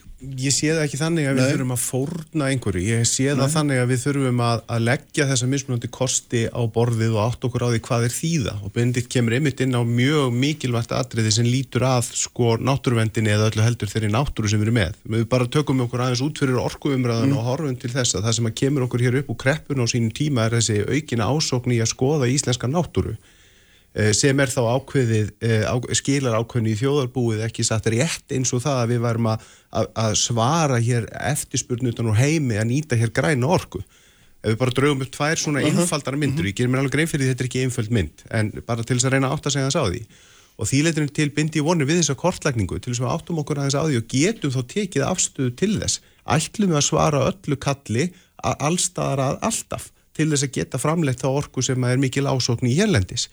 Um, ég er eins og þeirra skoðunar og, Berglind, þú kemur alveg réttilega inn á það að það, og orkumálastjóri hefur líka bent á það, að það er nöðsynlegt að, að ráðast í sko breytingar á lagaumhverfinu til þess að mitt að tryggja það, að það er smá yðnaðurinn, uh, þú nefndi fiskimjölsvesmiðurna sérstaklega. Um, uh, þessar raf hittu veitur, við heyrðum dæmi af sko sundlög sem að var ekki hægt að rekka vegna þess að, að, að það var ekki til raforka fyrir hana vegna þess að það, það sveitarfélag gerir eins og ég skilða samning um skerðanlega orku. En það er jú alltaf samningu sveitarfélag um skerðanlega orku. Og það eru þetta ekki áhersatanlegt að, að þegar hún er ekki í bóði, eðlimálsins samkvæmt að því hún er skerðanleg eh, að, að þá sé ódýrari kostur að brenna brenna jarðefnelsniti, það er það ekki og þetta þarf að skoða, en við þurfum fyrst og fremst að tryggja það að við getum hér heima sem eigum þessa auðlind saman notið afraksturins af henni, tryggt orkuskiptin eins og við ætlum okkur að gera uh, og gengi þá í það verkefni sem Benedikt hefur verið að vinna að og er að flagga hér og, og, og tala fyrir að horfa til nýra kosta í þessu. Hvort það þýði að við þurfum að ráðast í, í sko meiri háttar stórar nýjar virkjanir, þar vil ég að við áttum okkur frekar á því, byrjum á því áttum okkur á því hver er hinn raunverulega þörf og erum við sammála um að þeir að fara í þessa, þessi ákveðin atriði. Ég get ekki sagt mig við það að hér sé bara opið tilbóð eins og Ísland ætla að bjarga hér heiminum og mér finnst sko á sumuleiti um, sumuleiti orðaræðan í ákveðnum ranni vera þessi eðlis eins og við ég held við höfum öll hafnað að, að Ísland eða smalið til sín næla mörgum álverum að þá séum við að, að, að tryggja hér græna mm. álframlegslu um allan heim sko bara eitt, eitt í þessu að því að sko eitt er að afla frekar orku annað er að fara betur með það sem við eigum. Mhm. og Ísland er ekkit undan skilið öðrum vestrænum þjóðum um að ganga ekki vel um öðlindina við getum gengið betur um þessu öðl tekið til í eigin ranni og áttað okkur á því. Tryggt flutniskerfið og Orri, áfram spartnaði að því að sko, við erum annars vegar að tala um álver í hverjum fyrir eins og hveði var nú hér um í eina tíð Já, en já. hins vegar erum við þetta bara að tala um skuldbindningar gagvart Akkúrat. alþjóða samkomulagi Akkúrat. sem að felur í sig orkuskipti sem að hérna, við verðum einhvern veginn að afla orkunar í það skilur, það er, það er alveg augljóst mál. Hún, við notum ekki bara það sem við eigum og, og keirum okkur því, við, við vitum það. Já, ef við erum ekki að nota vel það sem við eigum Já. getum nýtt það betur Já, en það er samt ekki- ekki nóg, þú veist alveg, en, við Jafnvel, ætlum, ég- en við ætlum ekki að horfa fram hjá því það Nei, er bara það er heldur ekki að segja. sjálfs, Nei, nei, ekki að segja. að ganga segja um heldur. sem er dýrmætt en- og þú sé sko endur nýtanleg að þá er hún ekki óendanleg Nei, og svo þurfum við vegum hana saman með öðrum kostum ég meina bara að benda það að síðustu 43% af, af, af víðirnum Evrópu eru ósnortin á Íslandi það eru verðmæti út af fyrir sig líka augljóslega. En sko Berglín, þegar að, það, þetta er spurning um forgangsröðun, það er alveg ljóst. Hvert viljum við setja í orkunum? Þú byrjaði aðeins að tala um einstaklingarna, smáfyrirtækin, mm veist, við getum talað um Bendit sem getur hjálpað okkur verulega í umhverfis og loslasmálunum og, og, eins og orðið er að nefna, meina, það er ekki bara opinn tjekki á Íslandi ef einhver kemur og vil reysa gagnaverð til þess að grafa hérna, einhvern námögur það, það bara sjálfkröfu segir við nei, því við ætlum að gera eitthvað annað eða hvað. Sko, hérna... Hvernig horfið þið á þetta? e, ég tek undir margt að því sem að hann orðið segir. Ég hef ekki hert umræðana um að við höfum að sapna hinga fleiri álverum. Ég er nú vísað til gamalla tíðar. Já, já, það, er- það er gamla tíð. Við skulum horfa hérna fram á veginn. En við erum hérna með álver sem að bara gengur vel og, og þau eru hér. Og það er ekki þú veist, annara en álver en að, að, að hérna, segja til um það hvenær þau munu hérna, leggja niður stafsum á Íslandi. Alveg það er ekki stjórnvalda.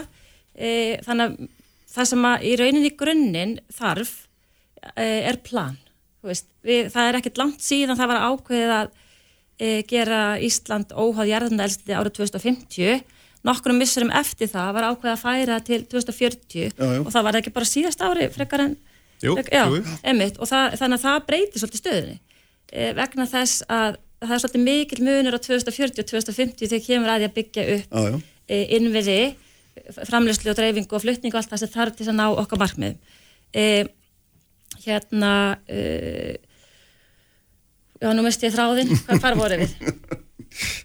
við vorum að tala um einmitt, valkostina. já, akkurat. Og sko ef að núna eru við að keira á þess 15% af e, orkunótkun á Íslandi er jarðarnarstiti, það er grá orka. Með þessari ákvöru stjórnvalda um 2040 markmiðið þá þurfum við að fá þessu orku einhvers staðar annar staðar frá.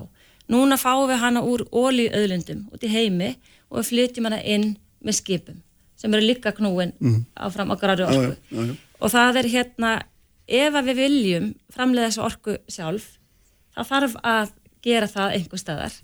E, það, það er möguleiki að flytja inn græna orku til landsins til þess að ná okkar lágslasmartmiðum og það, það er alltaf lægi að ræða það, en veist, ég sé ekki að það geti verið skynsal nið, niðurstöð. -hmm. Þannig að þá þarf e, að ákveða hvaða auð, náttúru auðlindir allir var nýt og, og hverjir ekki. Og það er þannig og, og þú veist við vitum það og orðið kom inn á það áðan að það hefur verið kyrstaða í rammaállin síðan 2012-13 og það er náttúrulega svolítið grunn vandamál að hérna og það þarf að fá reyfingu á þessa hluti. Bara ég vona að við náum að afgreða ramma þrjú bara fljótt og vel þannig að það sé reyfing og svo þarf að skoða hvernig við ætlum að halda á þessu til framtíðar. Og ég veit að það er líka Það er líka verkefni í stjórnarsáttmála, já, já, endur skoðun Já, og svo er það spurning líka það, það, það eru hérna, það eru gríðarlega tækifæri í alls konar yðnað á starfsemi eins og til dæmis sem að Benedikt er í. Og hvernig viljum við þessi þjóð nýta þessi tækifæri? Og hérna ég er alveg sammála orða að það er ekkit eh, eftirs, eftirspurnar hérna e, góð eftirspurn er í reynu luxusvandamál Já, já. þannig að við skulum bara ekki gleyma því að hérna, það er bara, það er geggjur stað að vera í. En þá þurfum við líka þegar við erum með, erum með þessa stöðu að þurfum við að hérna, hafa plan um það hvernig við ætlum að nýta hana.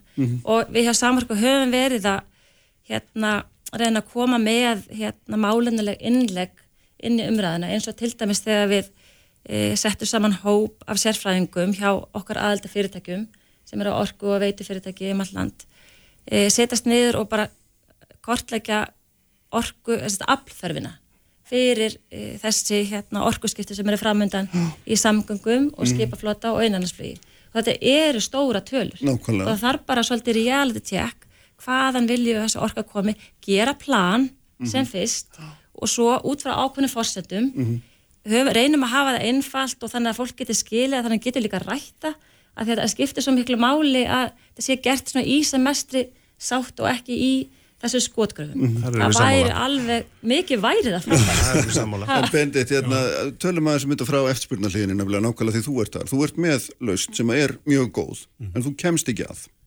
Ert til að borga herra verð fyrir orkuna en það sem er borgað er núna. En að, þú veist, það hlýtur að vera spurningi fyrir ykkur. Ef þið ætlið að, ef þið ætlið að koma þessari lausn í gegn, þá verðið þið ætlið að borga það. Það er luxusvandamáli sem þið stöndum fram fyrir hinum einn. Er það ekki? Já, þarna, þarna komum við þetta mikilvægu máli sem það, þetta er ekki við í raun og veru sem borgum fyrir uh, vöruna og orkuna heldur en endanlega kunni Já, sem dæmi íslensku sjárótögur eða íslensk flutningafyrirtæki og spögin er sem sagt hvað eru þau tilbúin til þess að leggja mörgum í þessum orkuskiptum eða, eða með hvaða hættir þetta að gera það auðveldra fyrir þau að fara út í þá vegferð?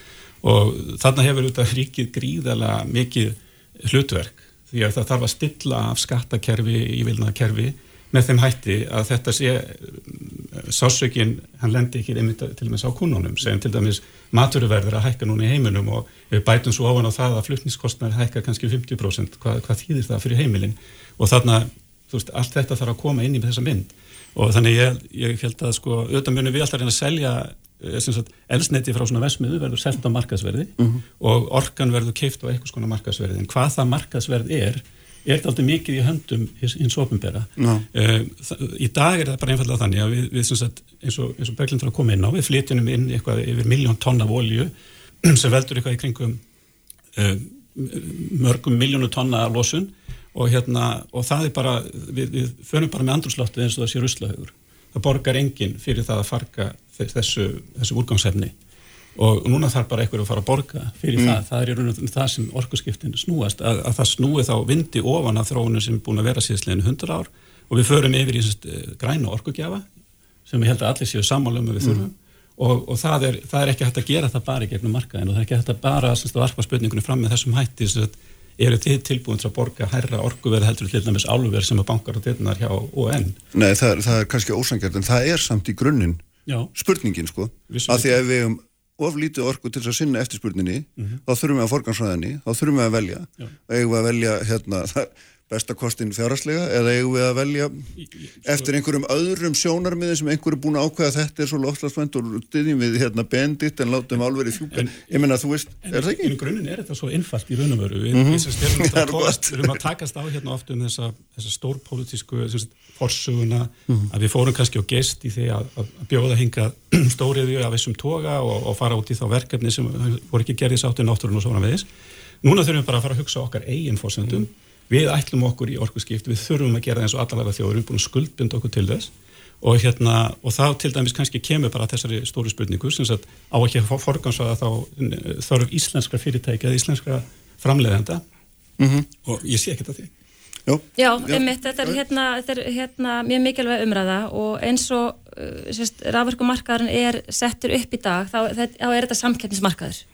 Og hérna fyrirtæki sem er að framleiða rafmagn, þau selja þeim viðskiptafinni rafmagnið sem er hagstaðastur út frá verði og það er orku, orku notkunar prófíli sem skiptir máli í þessu sækjum, sam, samhengi.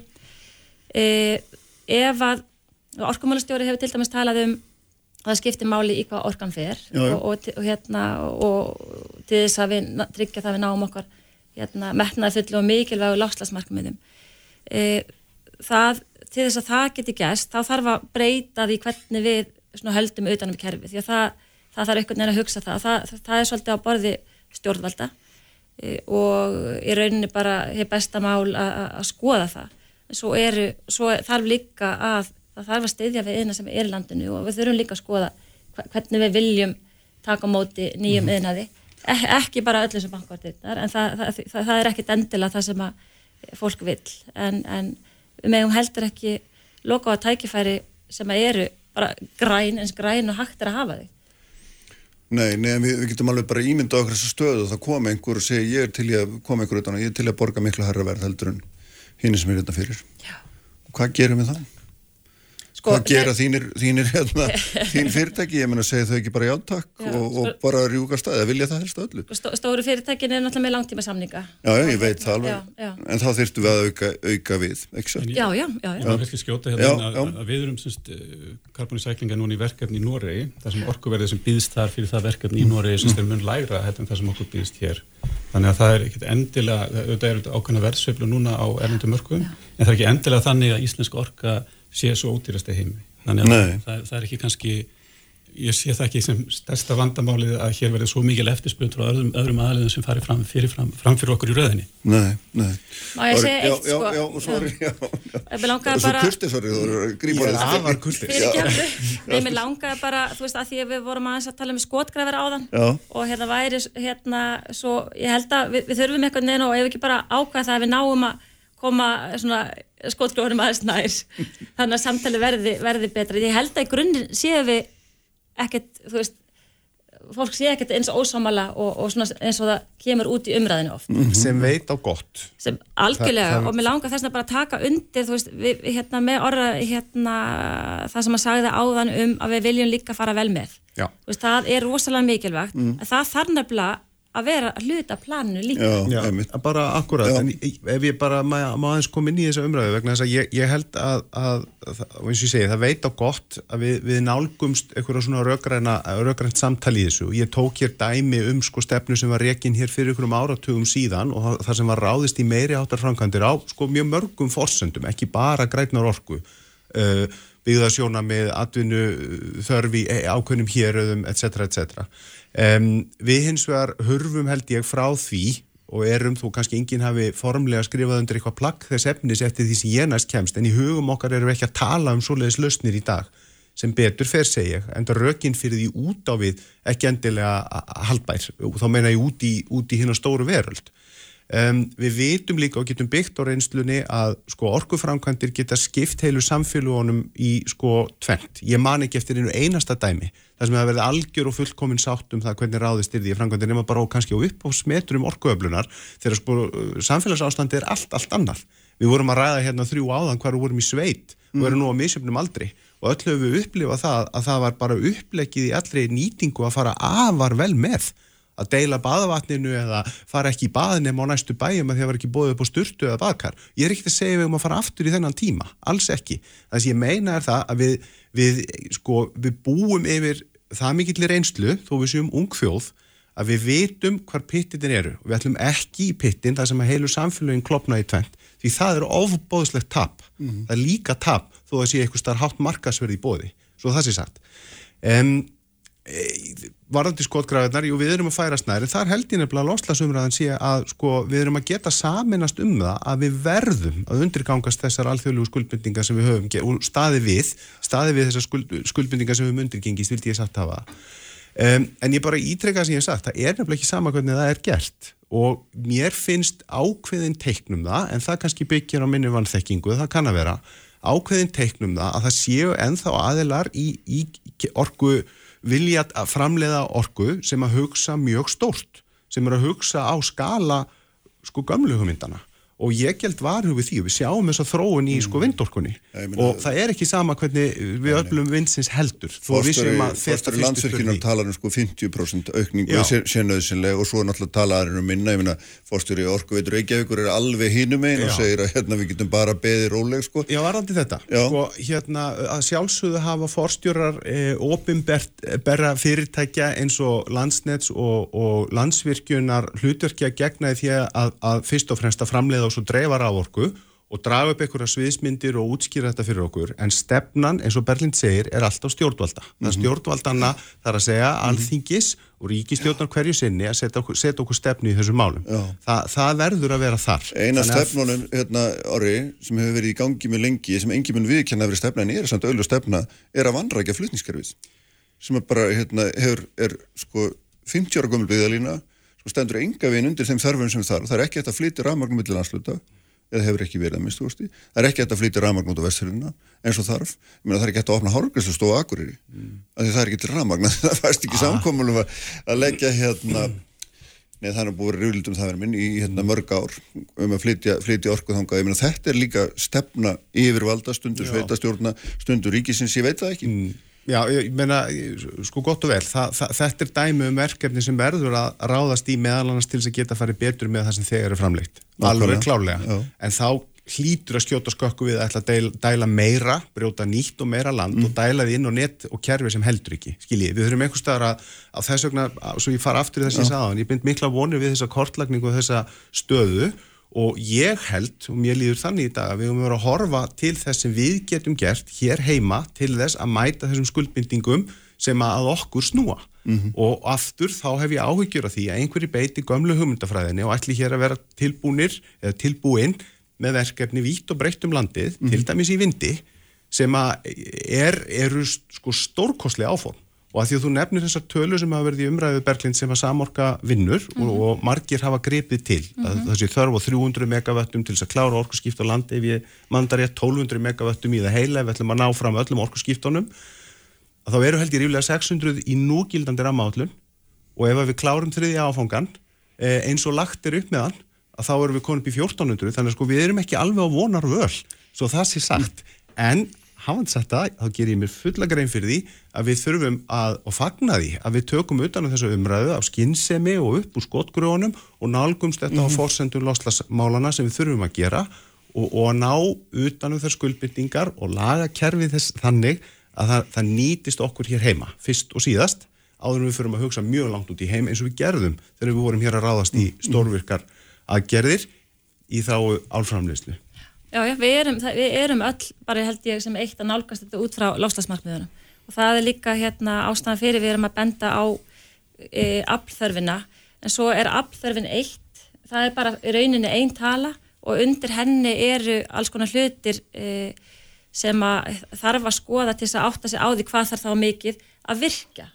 E, ef við ætlum að, að, að, hérna, að framlega þessa grænu orku sjálf til lengri tíma, bæði fyrir og stundum vera að ruggla saman nefnilega rafbílavæðingunni e, sem að snýst þess að gerist mjög hægt og það er hægt að tækla hana með því að e, fara í kerfisbreytingar eins og snjálfmælavæðingu sem gerur okkur kleft að hlaða á nóttunni. Þannig að það þarf ekki að, það er ekkit panik þar, við getum alveg farið rólega á rafbíl. Einmitt. en þessi tala um 50% þar er verið að tala um full orkuskipti.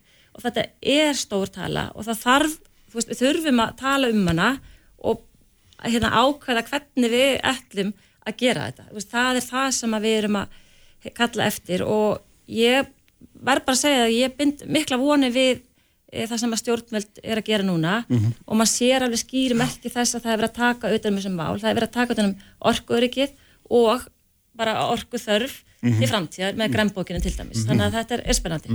Við erum öll mjög spenntur í grænbókinni. Já, Nú, nú þetta, horfum þetta þannig við, við, að við erum búin að vera að vinna í þessu verkefni hjá Carbon Recycling í 16 ár. Og þess vegna, ég, mér óvar svolítið við því þegar við alltaf verið að tala um kortlækningu, við skulum sittast niður og eða nokkrum árum í það, sko.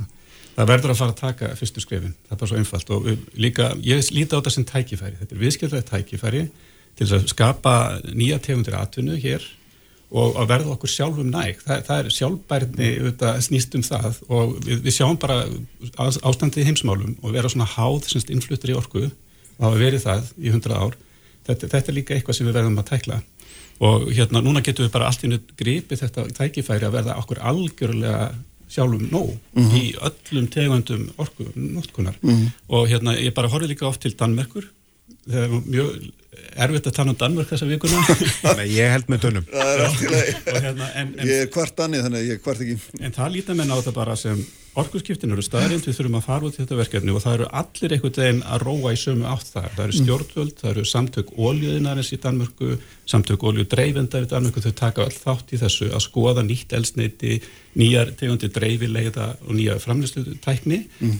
Danmörku þegar þetta stærstir á vindorkusviðinu, bæði í framlegslu á turbínum og líka að sitta þar upp. Mm og, hérna, og þeir eru gríðarlega stórhuga þar að fara að byggja sagt, eigjar undan kaupmannahöfn þar sem að verður hérna, stórfælt framleysla metanólu meðal annars.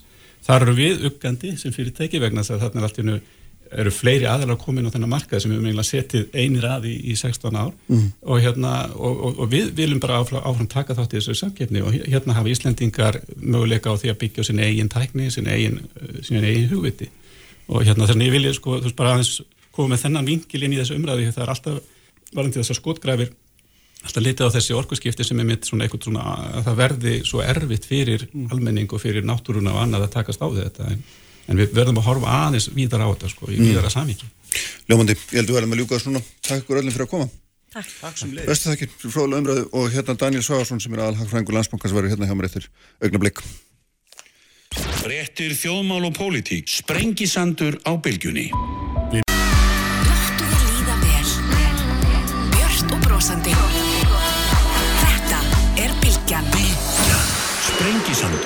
Alla sunnudaga á Bilkjunni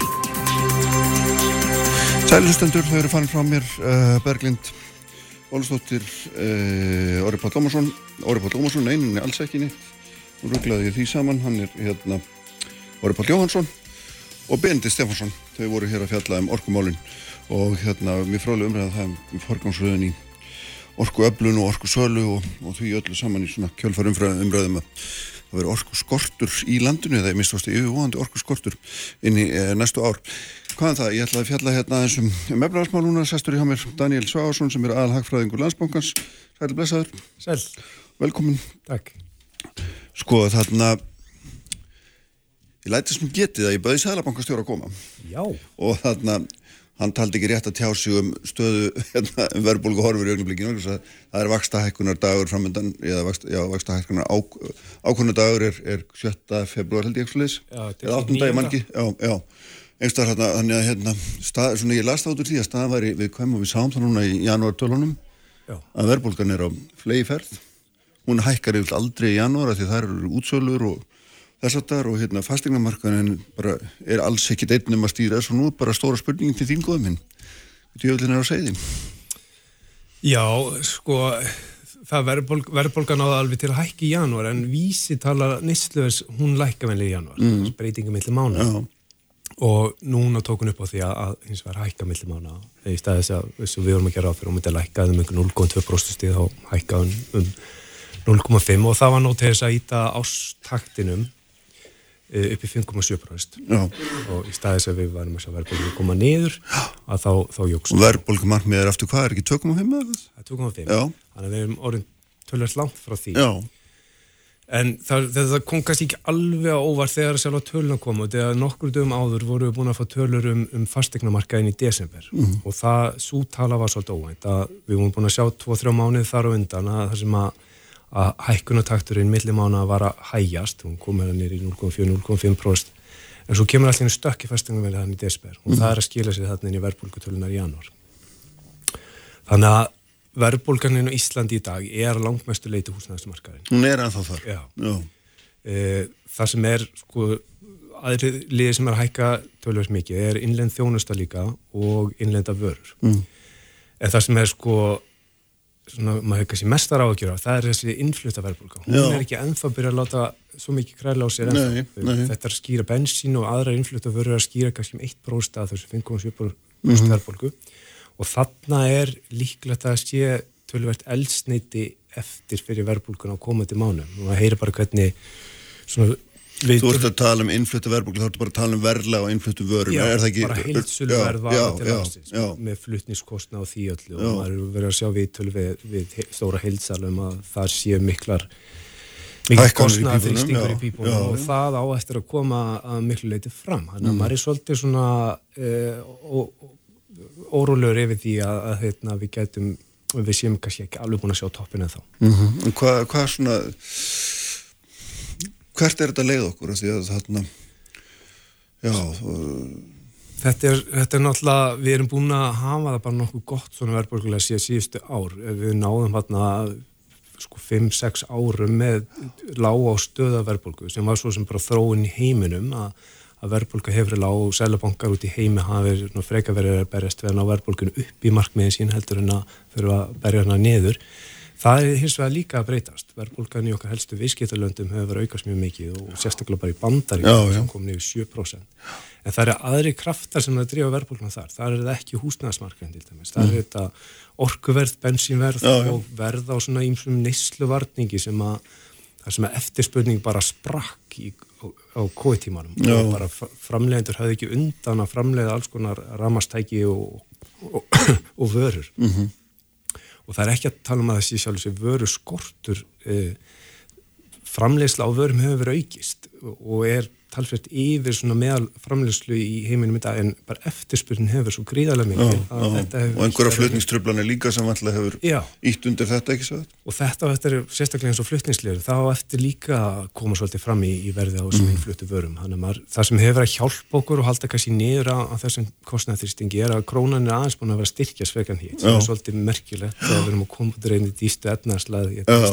út að krónan er bara að standa sig ágætlega með við bara það óróa sem við erum að sjá á gældirismörkum út í einu stóra heimiða sem að stóra myndir er að flökta mjög mikið. Mm -hmm.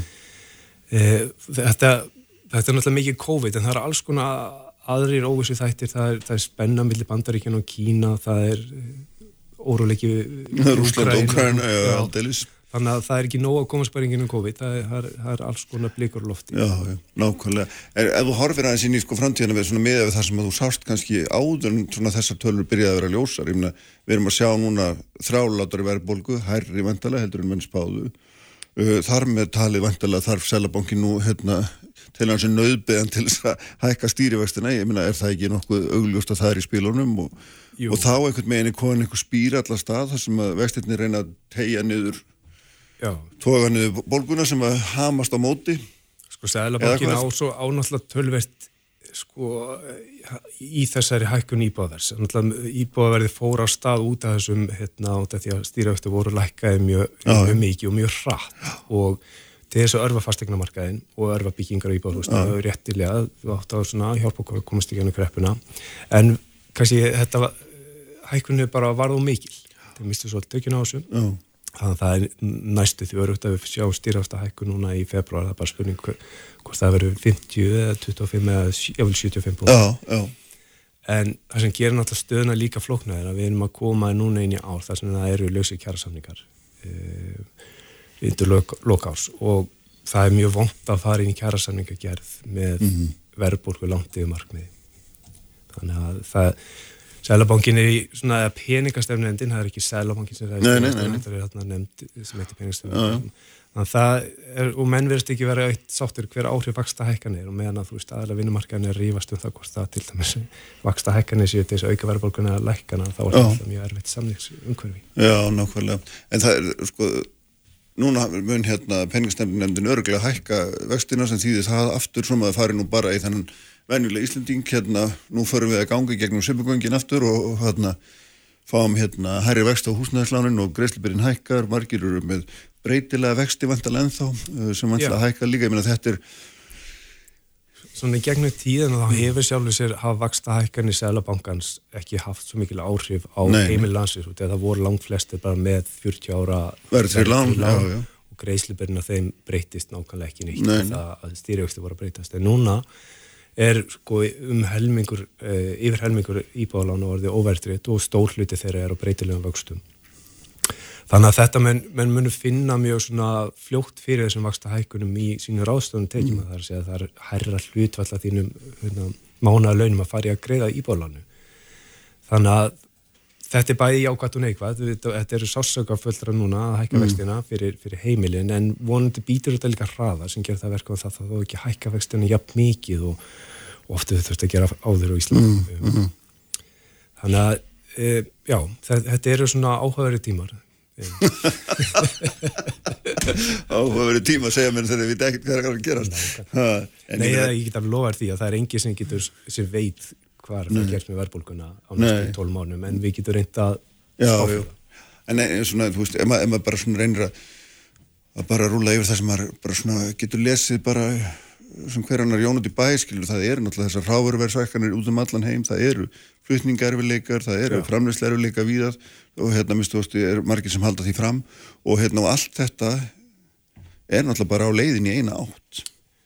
Já, en það sem við hjálpa okkur hérna heima mm. að við erum að glýma hérna við húsnæðarsmarkaðin og og þess að koma inn á þann að þetta innlend þjónust og innlenda vörur mm. eru semst annarstæst þáttur þess að skilja og það er náttúrulega heima, heimagjart vandamál og það er að, að laun hækkuðu mjög mikið hérna ja, síftu ár ja. á tíma sem við vorum að gangi um efnaða samdrátt og það er að endurspeglast núna í, í töluvert mikið hækkun á innlendur þjónust og innlendur vörum. En það er samt orðin ákveðin breyting Daniels, við leiðum nú að hérna, vitna nú bara hérna kunnu haksi á landsbankans og það sem að hérna þar, þar sem að þið eru að tala um það að þið tala um, um fjórar kjarnavísutölur sem þurfa að horfa á Meni, þær eru allar hækka, það, er ólíkt því sem verið hefur ekki það var svona vendipunktur nú það, það tók allar stefnu upp á leið og það þýr að það er komið svona undirlikjandi verbúl Já, þannig er orðin miklu breyðari á því að við gátum afmarkað og við húsnæðis að bara án húsnæðis er, er þetta ekki neitt en það er alls ekki tilfelli lengur því nú er án húsnæðis yfir 3% sko, látt yfir markmiði já, já. og svo þegar að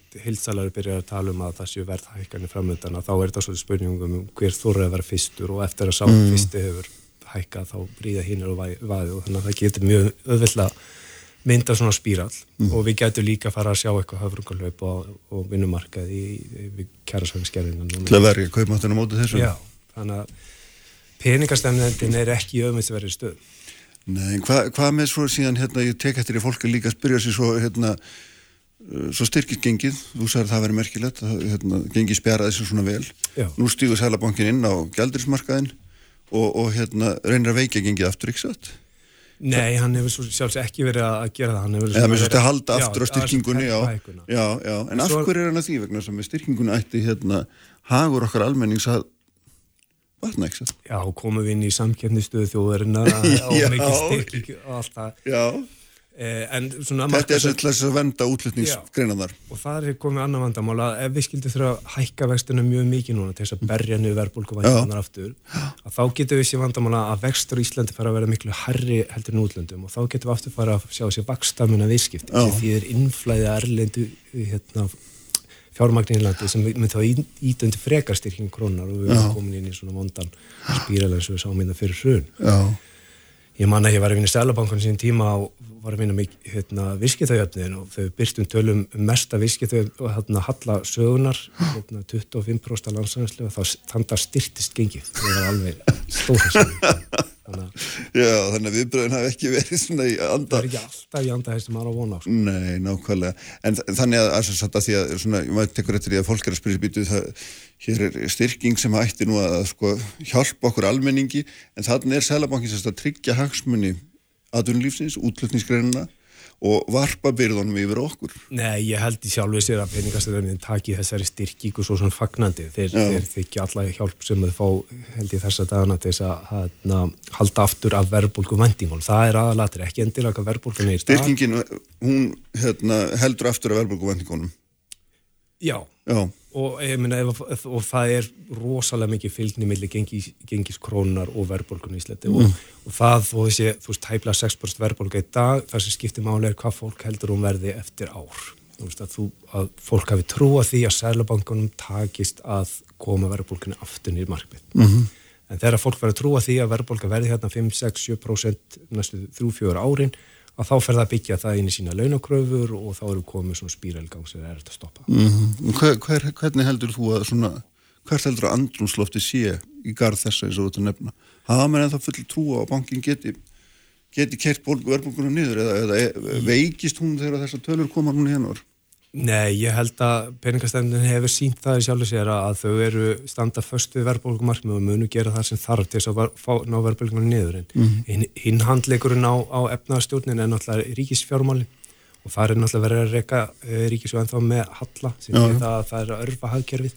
Og þetta væri best að fá báða þessa hérna, stóru liði í stjórnina efnaðarsmála til þess að íta í sömu áttamóti verðbólkunni e, sem þýtti það að ríkisfjármáli að Já, hann þýrsti það að fara fræðir í það að, dra að draga úr hallanum eða loka hallanum. Segir þú sænsk mentaður hagfræðingur? Já, sko, það myndi allavega hjálpa til en það, það er náttúrulega, þetta er svolítið eins og með, hérna, berjast við veiruna að, hérna, vaksta hækkanir er svolítið eins og hérna, samkominn þakmarkanir, þú Mm. veist ekki alveg hversu mikið það virka en, Nei. og hversu mikið þú þarfst að þrengja til þess að, til þess að ná hérna Mm. En það er, það er, þetta, þannig er það ekki þegar þú segir að hérna, peningastefnendir sé einörð og staðföst hún muni gera allt sem hún getur til þess að halda verðbólgur niðri, Já. þá erum við að tala um vextina og hún muni hækka þá á móti Já. það er hennar tæki, ekki satt Jú, þessi enn er náttúrulega þarna fimm einstaklingar í nefndinu og þeir hafa mismunandi skoðin sem fer, já, þannig að það fara, fara fram mikið skoðan að skipta í nefndinu sem maður getur lesið um í, í, í hérna, fundargernu nefndarinnar Mm. og það er svo haukar og dúvar hann inni, haukarnir eru vel að kalla þeir sem að vilja fara hratt í vakstaðækjarnir Já. dúvarnir er svona býða og sjá Já, já, nákvæmlega. En svona, svona sumar þetta aðeins upp og ég, svo ég rángtólki ekki að, að hérna, það eru ákveðin svona, ákveðina blikur á lofti augnablikinu. Það er, er, er ástæð til þess að svona horfa á þetta vandlega inn í, inn í næstu mánuði. Já, vissulega. Ég, við vorum að reikna með að Sælabankin áður en þess að verðbólgutölur uh, komi að við myndum fá 25 púnta hækun Mm. uh, en mér finnst nú líklega að það veri tekið mun starra skref Já. eftir tölun að koma. Ljómandi, við sjáum hérna hverju framvindur. Takk fyrir Daniel, takk fyrir að koma og þarna sprengisandurinn látu við lokið þessu nýjum Davíð Haldursson. Eru stjórnmjölinn eins og æfinlega allt efni á vísi.is og bylgjan.is og hvar veitna það sem þið finnir hlaðverk og svo verðum við félagarnir hér með ykkur eftir viku. Verðið sæl.